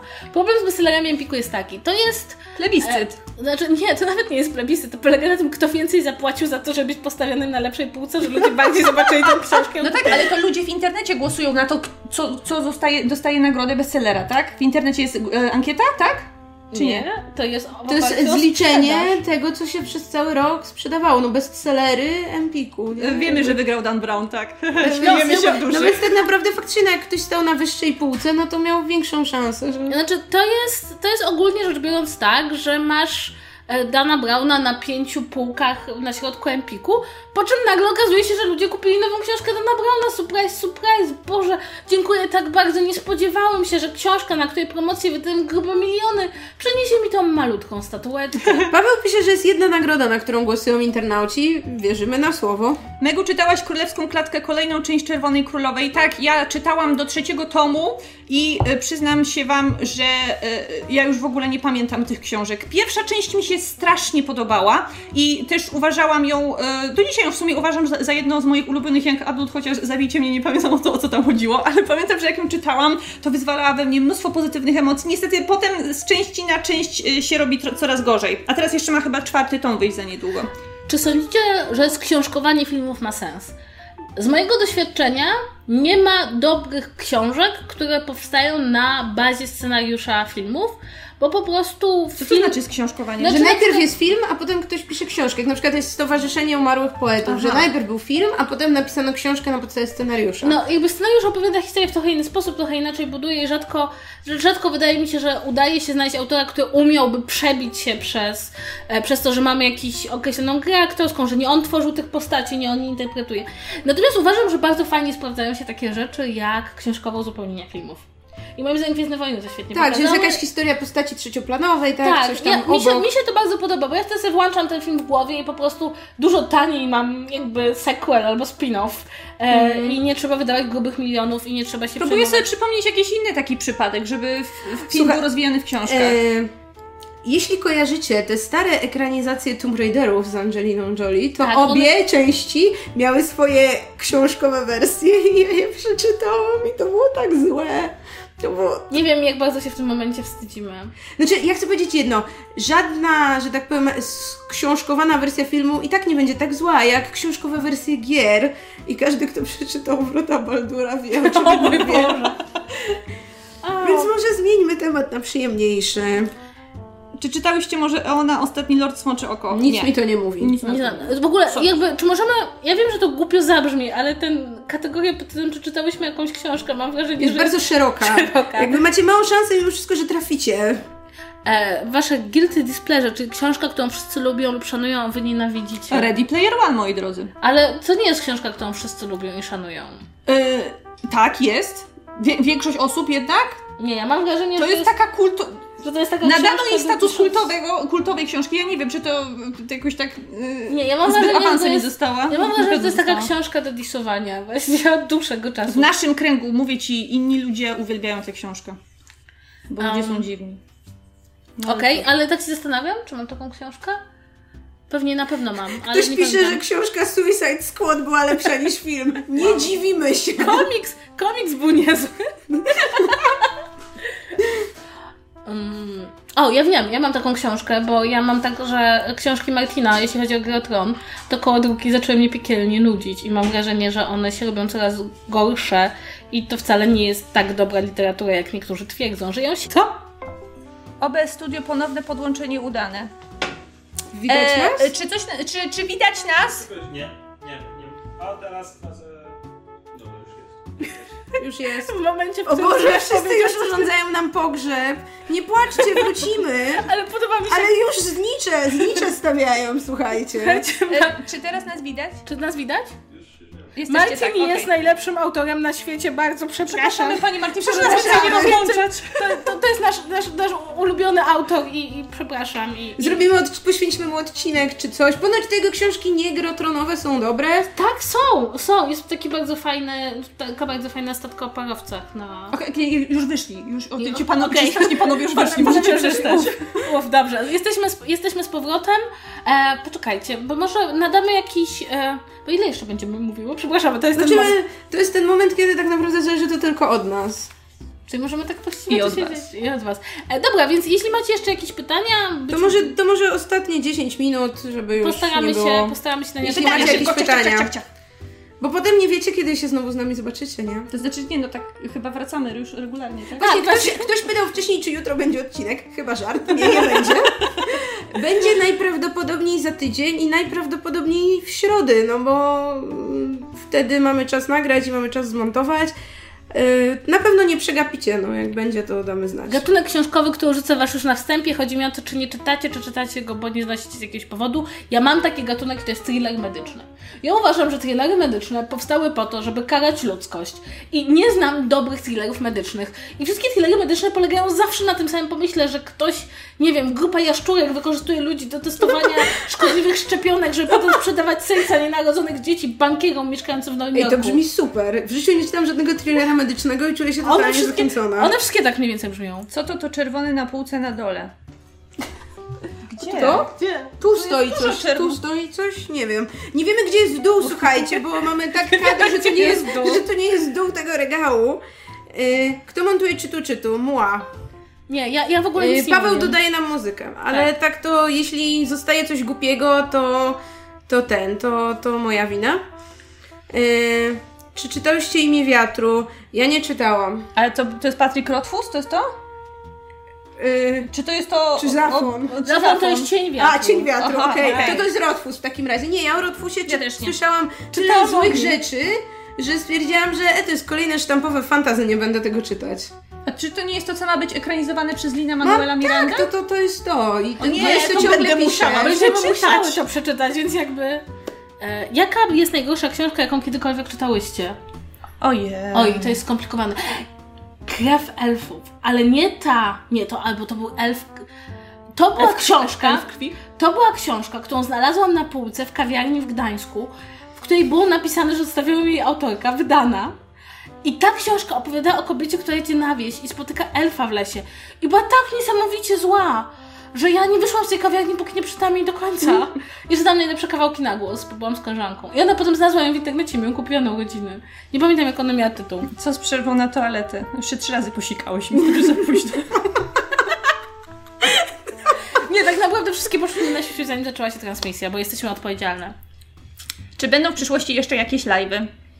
To zależy. Jak ładnie będziecie prosić, to może będą. Jeśli, Nie, no fajnie nam się to podoba, tylko że to wymaga dużo zaangażowania, musimy być wszystkie trzy, niektóre z nas muszą się ładnie ubrać, niektóre muszą zapomnieć i musi być też bardzo dużo innych osób, które nam pomogą, ale tak, mamy nadzieję, że nam się to uda w przyszłości. Odcinek z listami od widzów. Tak, na pewno w drugim sezonie będzie odcinek z listami od widzów. Ja mam pooznaczane te listy, które przyszły od momentu ostatnich odpowiedzi, na które na pewno powinniśmy odpowiedzieć, więc y, będzie. Jakby nie martwcie się, to nie przepadnie, y, ale no nie jesteśmy w stanie Wam powiedzieć kiedy dokładnie. Ale ogólnie mamy taki plan, Tak, że w będzie... każdym sezonie, jeśli będziecie słać do nas listy, bo ostatnio coś gorzej ślecie. No bo Bo nie, nie nagrywałyśmy. No dobra, no ale... Ktoś się pyta, czy coś się zmieni w podcaście w drugim sezonie, czy nadal będzie co tydzień? Tak, to znaczy nadal będzie co tydzień. Jeśli nie będzie jak apokalipsy zombie, to, E, to Ja tak. się postaram tym razem być we wszystkich odcinkach sezonu, a nie tylko... Live'a sobie Dziewczyny mają wannę pod nogami, jest już do połowy pełna. Mój ulubiony komentarz. Doceniamy wasz humor, jesteście E, fajni. tak, natomiast, e, natomiast ja bardzo przepraszam, bo ja zdezaktuowałam z ostatnich dwóch odcinków czytu czytu. Nie no, ja myślę, że e, zastępstwa wam się spodobały. I tak, no nie da się ukryć, że czasami któraś z nas, nie wiem, zachoruje, nie dojedzie, będzie musiała iść gdzie indziej i czasem wskoczy ktoś inny i to też będzie fajne. Ktoś, y, a propos tego sponsoringu, jakby ktoś chciał nam sponsorować live'y i usłyszeć, że go lubimy, no to śmiało, tak? Spoko. Jeśli zasponsorujecie nam live'y, to będą często. Ocia mówi, dajcie nam pieniądze, jesteśmy ubogie. E, tak. E, Zrecenzowałybyście Biblię, znaczy no ja lubię fantastykę, ale nie w tym klimacie. a nie, bo ja, ja, ja nie uważam, że to należy recenzować tylko fantastykę. O Boże, nie, nie idźmy w tę stronę. Nie, ja po prostu uważam, że to jest bardzo, bardzo fajna książka i ma świetne momenty. Ma, ca- tam jest jeden cały tom poświęcony wyłącznie poezji. I to jest naprawdę dobre. Tylko, że wiesz, to takie syn tego, ojciec tamtego, no to już Tolkien zrobił to lepiej, nie? Ej, ej, ej, to jest, to jest jak początek żartu. Ateistka, katoliczka i żydówka wchodzą do biblioteki. To, to brzmi jak dobre. No, ale ogólnie rzecz biorąc tak, ja bardzo polecam. Ja mam swoje ulubione księgi. O, zapraszajcie też gości. No, Możemy, tylko właściwie nie za bardzo wiemy, kogo miałybyśmy zapraszać. Nie znamy zbyt wielu autorów. mało ludzi lubimy. Tak, ogólnie rzecz biorąc, Jakby wszystkich ludzi, którzy, których lubimy, a którzy czytają dużo książek, to chyba już słyszeliście w poprzednim sezonie. Możemy Reszta się- podsłuchane nie czyta książek. Tak, Tak. możemy, możemy ewentualnie zacząć dzwonić po naszych znajomych autorach, żeby nas wyrzucili ze znajomych na Zadzwoń do. Remigiusza Mroza, bo wy się chyba znacie. My, my, jesteśmy z tego samego wydawnictwa. Boże! Tak, rzuca, rzucajcie Co z z nas. tym robimy? Co z tym No robimy? nic, Co bo teraz? za 5 zł nikt nie może zadać pytania, więc nic z tym nie robimy, tylko cieszymy się, że mamy. Jakby ktoś dał 10 zł, to mógłby zadać pytanie. Może Takie- słuchajcie, takie atmosfera rośnie. Jeszcze Mrówko jad meduza, Boże, dziękujemy, uwielbiamy Cię. Nasze pierwsze pieniądze zarobione na tym podcaście. Tak. dziewczyny. to są pierwsze pieniądze zarobione w mojej karierze internetowej. Boże, Boże. To się popatrz. To jest, to, to, To jest ważny moment. to nawet na Desperadosa nie starczy. Jak Znaczy, przekona... jak podzielimy to 5 na 3, to Na nie małego ma Poczekajcie, kolejne 5 zł. Boże, naprawdę, mam już 10 zł. Słuchajcie, jest pytanie, jak przekonywać ludzi do czytania. Najlepszy sposób, żeby przekonywać ludzi do czytania, to samemu czytać. Jeśli ludzie zobaczą, że sprawia wam to przyjemność, jeśli zobaczą, ile emocji to w was wzbudza, to wtedy nie, wszystkie argumenty za czytaniem, e, moim zdaniem, blekną wobec człowieka, który nie może się doczekać następnego tomu, albo który siedzi z nosem w książce. Bo wtedy widzi, że coś w tym jest. I, I z moich doświadczeń mi się udało w życiu przekonać kilka osób do czytania. I to są dwie rzeczy. Jedna to... Uuu, Boże, dwa funty! Dobrze. Jedna za to jest, granicą. jeden, jeden sposób to jest właśnie czytać i pokazywać ludziom, że to jest fajne, a, a druga rzecz to zapytać osoby, która nie czyta, bo może nigdy w życiu nie próbowała książki na temat, która jej się podoba. Dlatego, że to nie jest tak, że każdy ma księgę, bo każdy wie, gdzie zacząć. Szkoła jednak nie dostarcza wystarczająco dobrych narzędzi, żeby wiedzieć, gdzie zacząć. Więc czasem, jeśli chcecie kogoś zachęcić do czytania, to zapytajcie go, co lubi. I może się okazać, że kiedyś zapytałam moją koleżankę, co lubi. Ona powiedziała, że konie. I poleciła mi całą serię... Zaklinasz konie? Nie, nie. Tłumaczyłaś ostatnio książkę, gdzie był seks z koniem. Trzeba to pole polecić Tak, tylko że ona jeszcze nie wyszła, więc... Ale moja, e, moja koleżanka była w tej nie możemy o tym mówić, Ja jej ale To teraz, już, teraz już dorosła do tej Ktoś, książki. ktoś coś pyta w kwestii porno. Tak, jak ta książka wyjdzie, mogę wam opowiedzieć o, o Lubicie lub znacie jakieś porno, przeróbki książek, filmów, seriali, które są lepsze od oryginału? Czy wy właśnie pyta, pytacie nas, czy my... Bo Poczekaj. jest mnóstwo porno, przeróbek filmów. Czy serio mamy o tym opowiadać? Mi się wydaje, że jakaś porno po- przeróbka Fifty Shades of Grey ma lepsze sceny. Na pewno. y, to nie byłoby trudne, nie? Jezus Maria, ile mam pieniędzy Wow, już. dostałyśmy 10 złotych. Ola Wow. Podlańska, dziękujemy A bardzo. chcesz nam zadać jakieś pytanie, bo zapłaciła to może, nie? Znaczy każdy może, my i tak tu, ale tak, ludzie, którzy płacą, wy tym bardziej możecie zadawać nam Jakie są pytania. wasze ulubione klasyki? E, Ja absolutnie uwielbiam Jane Austen. To, jest, to są jedne z moich ulubionych klasycznych powieści. Uwielbiam siostry Bronte. E, I też wydaje mi się, że jak człowiek ma czas i poczyta sobie Dickensa, to może odkryć, że to są takie fajne książki. Czekajcie, przerywamy. Joanna zapłaciła i zadaje pytanie, czy nie planujemy Patronite? O, właśnie zaimplementowałaś nam ten pomysł w głowie, bo nigdy w życiu o tym nie, Nie, nie rozmawiałyśmy. rozmawialiśmy o tym nawet. Ale jeśli byśmy planowali Patronite'a, to prawdopodobnie jako całe podsłuchane. Jeśli byśmy planowali, nie wiem, jakoś Nie o wiem, pogadamy z. Pawłem. Paweł. Paweł zdecyduje, tak. Ej, Wracając do klasyków, no to u mnie na pewno kiedyś, kiedyś Dostojewski. Jak byłam w liceum, to strasznie się jarałam Dostojewskim, przeczytałam sobie Biesy, na przykład nie byłam taka nadambitna. Ach, Tolstoj jest lepszy. No właśnie to, to, to, to jakoś nigdy nie doszłam, ale Dick, dla mnie Dickens na pewno. Przeczytaj Annę Kareninę. Dobrze, Autentycznie. Jakby, Przeczytam Annę Kareninę. Z cyklu bardzo dobre książki. I Henry James, który może nie jest u nas jakoś mega znany, ale, Pruszyński od paru lat bardzo ładnie wydaje kolejne Jamesa. jego książki. Tak, i Henry James jest super. Zwłaszcza, że Henry James jest człowiek się nie spodziewa jakby... Jakie to jest aktualne, Jakie to jest dobre. niesamowicie I aktualne. słuchajcie, Raymond, ja uwielbiam, y, uwielbiam po prostu Ziemię Obiecaną i chłopów uważam za naprawdę dobrych. I po prostu, Boże, Ja Ziemia mam- Obiecana to jest tak cholernie aktualna książka. Ja mam problem, że Ziemia obiecana jest dla mnie odrobinkę za bardzo antysemicka. A, możesz mieć taki problem, tak. Ale jest świetną Ale jest książką. książką o łodzi. Tak Natomiast- A ja Natomiast- lubię lalkę. E, Natomiast Więcej live'ów proszę. No, Emilia, pięć dziękujemy za funtów. twoje 5 funtów. No teraz Na pewno weźmiemy to pod uwagę i myślę, że bawimy się całkiem nieźle, zwłaszcza jak dajecie nam pieniądze. jakie są nasze ulubione części Harry Pottera? Myśmy chyba o tym gdzieś rozmawiały. Ja tak, ja kocham czwartą część, bo dla mnie ona Tak. cudownie funkcjonuje jako zamknięta powieść. E, natomiast wydaje mi się, że prawda jest taka, że najfajniejsza jak się czyta trzecią część i człowiek się orientuje, że ten świat z powieści dla dzieci otwiera się na coś więcej. I masz takie, aha, To znaczy, ja uwielbiam zakończenie. Jestem, nie, nie wiem, bardzo wielu osobom się zakończenie nie podobało, ale siódma część jest jedną z moich ulubionych. Trzecia, dlatego że e, trzecia część dostarczała mi tylu dziecięcych traum. Ja przez tydzień nie spałam po tej książce, bo tak bardzo ją przeżyłam, a miałam wtedy, nie wiem, dwa, 10, 11 No, lat. Na tyle mocno, że moja mama mi zabroniła czytać Harry'ego Pottera po trzeciej części, bo, tak, bo tak się nie emocjonowałam. moja mama mi zabiera Harry Pottera. Ja dru- dwójkę uwielbiałam, po prostu czytałam w środku nocy po, o tym bazyliszku też tam w wieku, nie wiem, 10 lat czy nawet mniej i po prostu strasznie się jarałam drugą częścią i później trzecią i czwartą. Jakby między druga, trzecia, czwarta to jest ten mój ulubiony moment. E, Czy zgodzimy się, że najgorsza była szósta? Tak, to znaczy była taka naj... Ja, ja uwielbiam wszystkie tomy, ale szósta rzeczywiście była najbardziej... No mnie też siódma nie porwała, ale też najmniej ją Mi się czytałam podobało i już tak zakończenie. najmniej na nią czekałam. Mi się podobało zakończenie, bo tam jest kilka bardzo dobrych rzeczy. Ktoś się pytał, jak nam się podobało Mistrz Małgorzata. Ja uważam, że to jest najlepsza książka, jaką kiedykolwiek napisano. Była fenomenalna. I na pewno ma najlepszą wersję tego, co się stało w, w czasie rozmowy. Znaczy, nie, do minimalnej rozmowy Jezusa z Piłatem. No ale w każdym razie, ja wierzę, że, że Bułhakow tam był i po prostu opisał, co się zdarzyło. Co sądzicie o Haruki Murakami?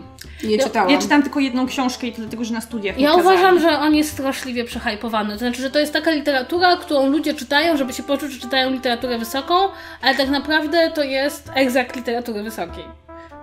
Ale sznobistycznie zrozumiałam. Dobrze, Mickiewicz czy przepraszam. Słowacki? No jeśli chodzi o literaturę, to dla mnie Mickiewicz. No, Tim Słowacki, Słowacki był dużo lepszym poetą niż Mickiewicz. Dużo! O Boże, powinniśmy ja zrobić na wiem. ten temat odcinek się pokłócić. A ja nie wiem, to może nie róbmy Ty będziesz za Norwidem, będziesz podnosić z ziemi kawałek chleba. Ja tylko lubię te internetowe komiksy, jak się Słowacki z Mickiewiczem. Słowackiewicz!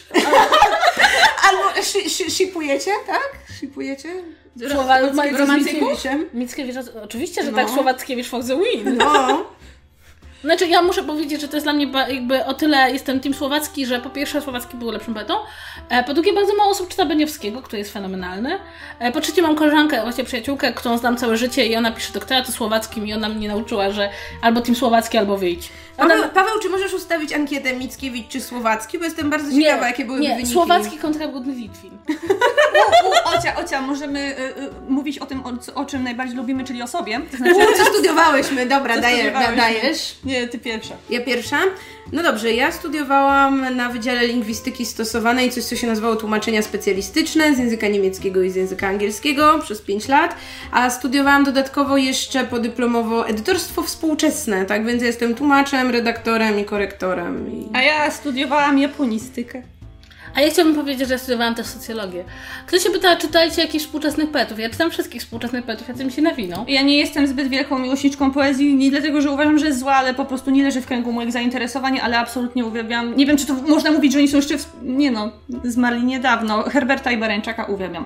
U, Barańczak. Znaczy ja, No, ja, ja, Barańczak. ja nie umiem jakby szukać poetów, ale jak Ale- trafię na jakiś wiersz na przykład i mi się podoba, no to jakby, no spoko. Zdarza mi się, że pod wpływem wtedy nawet kupię jakiś cały tom, ale mm, zupełnie jakoś tak nie czuję się, nie czuję Wiecie tego, żeby na przykład móc się wypowiadać Ja, na wiecie ten co ja temat. robię? Ja po czy- prostu idę do księgarni i biorę tomy, które leżą na półkach i czytam. Jak mi się coś spodoba, więcej niż jeden wiersz, to kupuję. Ostatnio tak kupiłam e, nowy tomik Świetlickiego.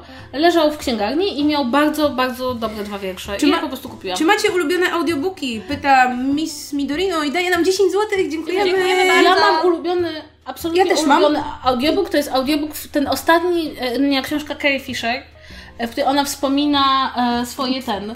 E, tak, otóż to. E, w którym ona wspomina jakby to.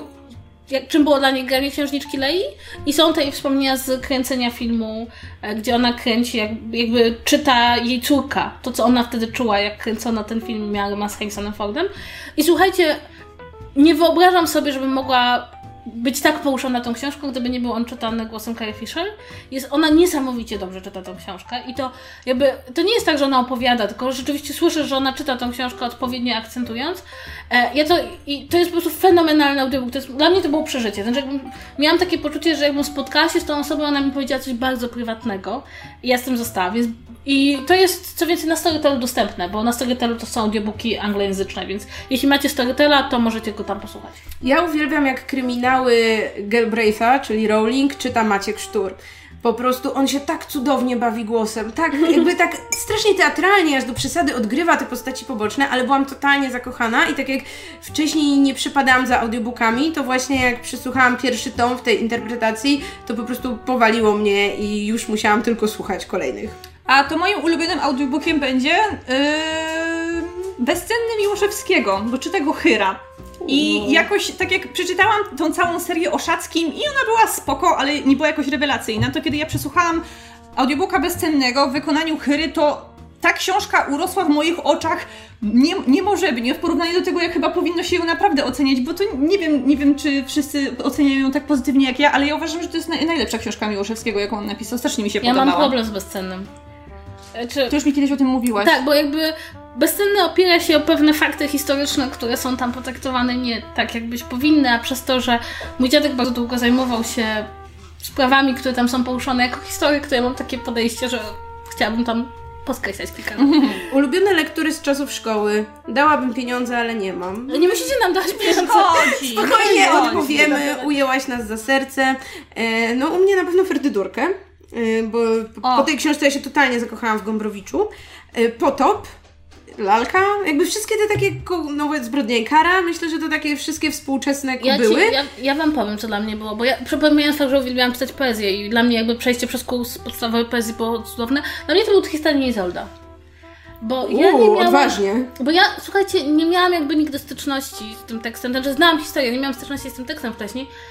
I on mnie absolutnie poruszył. To znaczy, on był z jednej strony tak, e, no jakby ten Tristan i Isolda, którego my czytamy, jest pewną taką e, wyimkiem tak naprawdę z tego, co, co, co naprawdę napisano, a mnie tak poruszyło, bo ci ludzie byli tak daleko i rozdzielało mnie od nich tyle lat i tyle emocji, a jednak ja ich tak strasznie dobrze rozumiałam i, i tra- jakby zakochanie się jako tragedia w ogóle, ten, ten, ten koncept tej miłości, która jest tragedią i w ogóle sama postać króla Marka, który nie jest zły, jakby to jest fantastyczne. Masz ludzi, którzy się w to zakochują, ale ten mąż jest dobrym mężem, e, co jakby część ludzi nie jest w stanie w ogóle tego wymyślić. I tak samo było dla mnie absolutnym szokiem, jak pierwsza przeczytałam poezję Safony.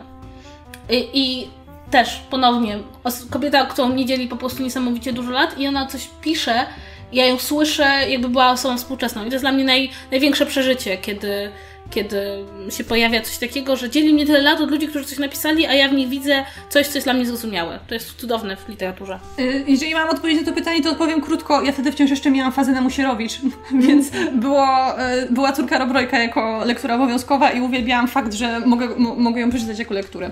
Dzisiaj już bym tego nie powiedziała. E, poczekajcie, bo tutaj jest... Gertruda pyta, mm, dajesz nam pieniądze, dziękujemy. Czy przeczytamy adaptację The Last Jedi? Um, no mnie nie ciągnie do jakby tych adaptacji konkretnych będzie na pewno? części. Będzie na pewno, Ja wam powiem, zawsze ja jest. czytam. Ja czytam, żeby sprawdzić, czy może w książkach jest potwierdzenie mojej teorii, że Finn i Poe mają romans. Wiesz, że może ktoś tak sformułuje, tak sformułuje któreś zdanie, że ja wtedy, wiesz... Więc ja tak, ja na pewno zajrzę. um, sekundkę. E, słuchajcie, Strasznie wiecie co? Jeśli chodzi, o, jeśli chodzi o Nadniemnem, to ja mam wrażenie, że problem z tą książką jest taki, że to nie jest zła książka, tylko nie wszystkie książki, które są w klasyce, które nam czy, każą czytać w szkole, były pisane dla ludzi w naszym wieku. Tak. To kiedyś, kiedyś w lekturze były Noce i Dnie Dąbrowskich. To są wybitną książką. Są jedną z najlepszych książek o byciu dorosłym. I kiedy je czytasz, jak jesteś nastolatkiem, to masz takie, o co chodzi z tą, z tą książką, ona jest nudna.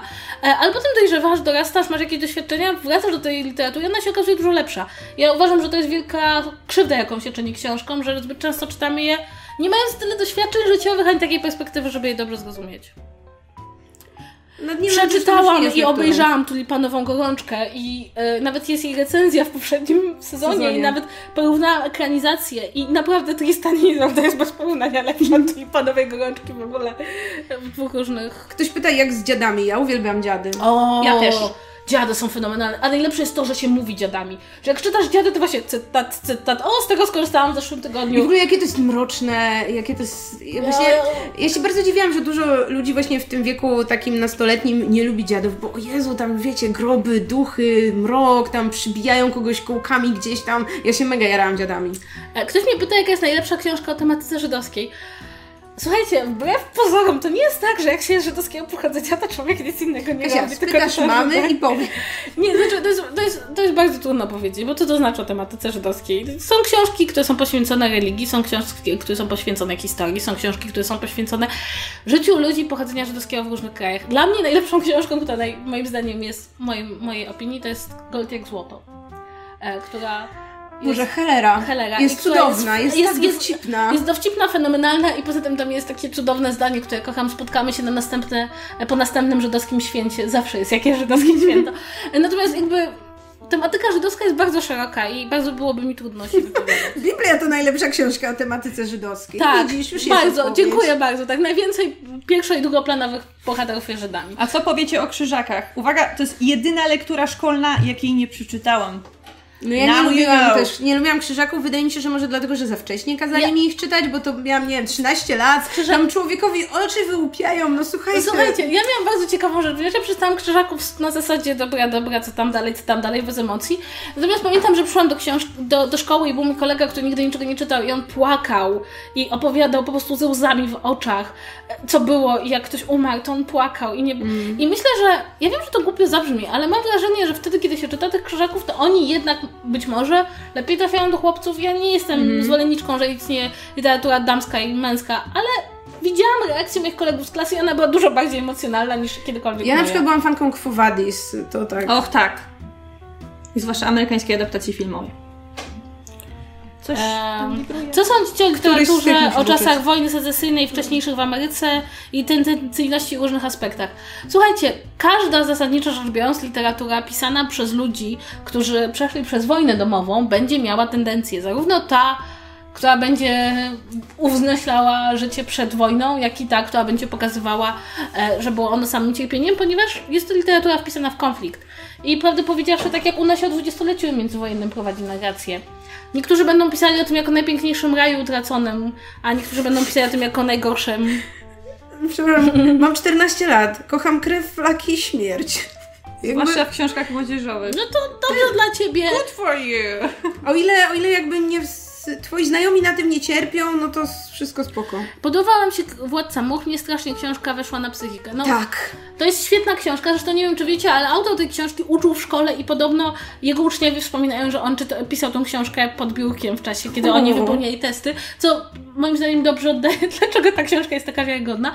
Ja uważam, że to jest fenomenalna książka i taka, która y, jest jednym z tych takich dobrych lektur, bo uświadamia ci, jak działają pewne mechanizmy społeczne. Jakby jest czymś więcej niż tylko swoją treścią. Czy Kasia poleci jakieś anime? Czy Kasia poleci jakieś anime? Dajesz Kasia. Ile anime w życiu widziałaś? Kasia widziała jedno anime Julia Nice. Tak myślałam. I było bardzo fajne. Słuchajcie, ja wam, Czarodziejka z księżyca ja wam mogę polecić anime. Teraz na Netflixie jest Full Metal Alchemist, jest super. Obejrzyjcie sobie najpierw starą wersję, a potem nową wersję i wróćcie za dwa miesiące z pytaniem co dalej, bo mniej więcej tyle wam zejdzie. Słuchajcie, my będziemy chyba powoli Tak. kończyć, bo niektórzy z nas jeszcze nie wrócili z pracy do domu. Było nam bardzo miło, że nas słuchaliście. Tak, bardzo dziękujemy, że przyszliście, że pisaliście. Bardzo dziękujemy za pytania, bardzo dziękujemy za wszystkie wpłaty, które ludzie dobrej woli nam przekazali. To jest super miłe. Tak? Ludzie dobrej woli. E, I chcemy wam, Kościelna gadka mi się Tak. kończyła. e, I chcemy wam przypomnieć, że wracamy. Wracamy z drugim sezonem e, Czytu Czytu. Będziemy ponownie co tydzień. Mamy nadzieję, że w tym składzie i że nikt nie będzie miał innych ważnych Tak rzeczy jest. do roboty.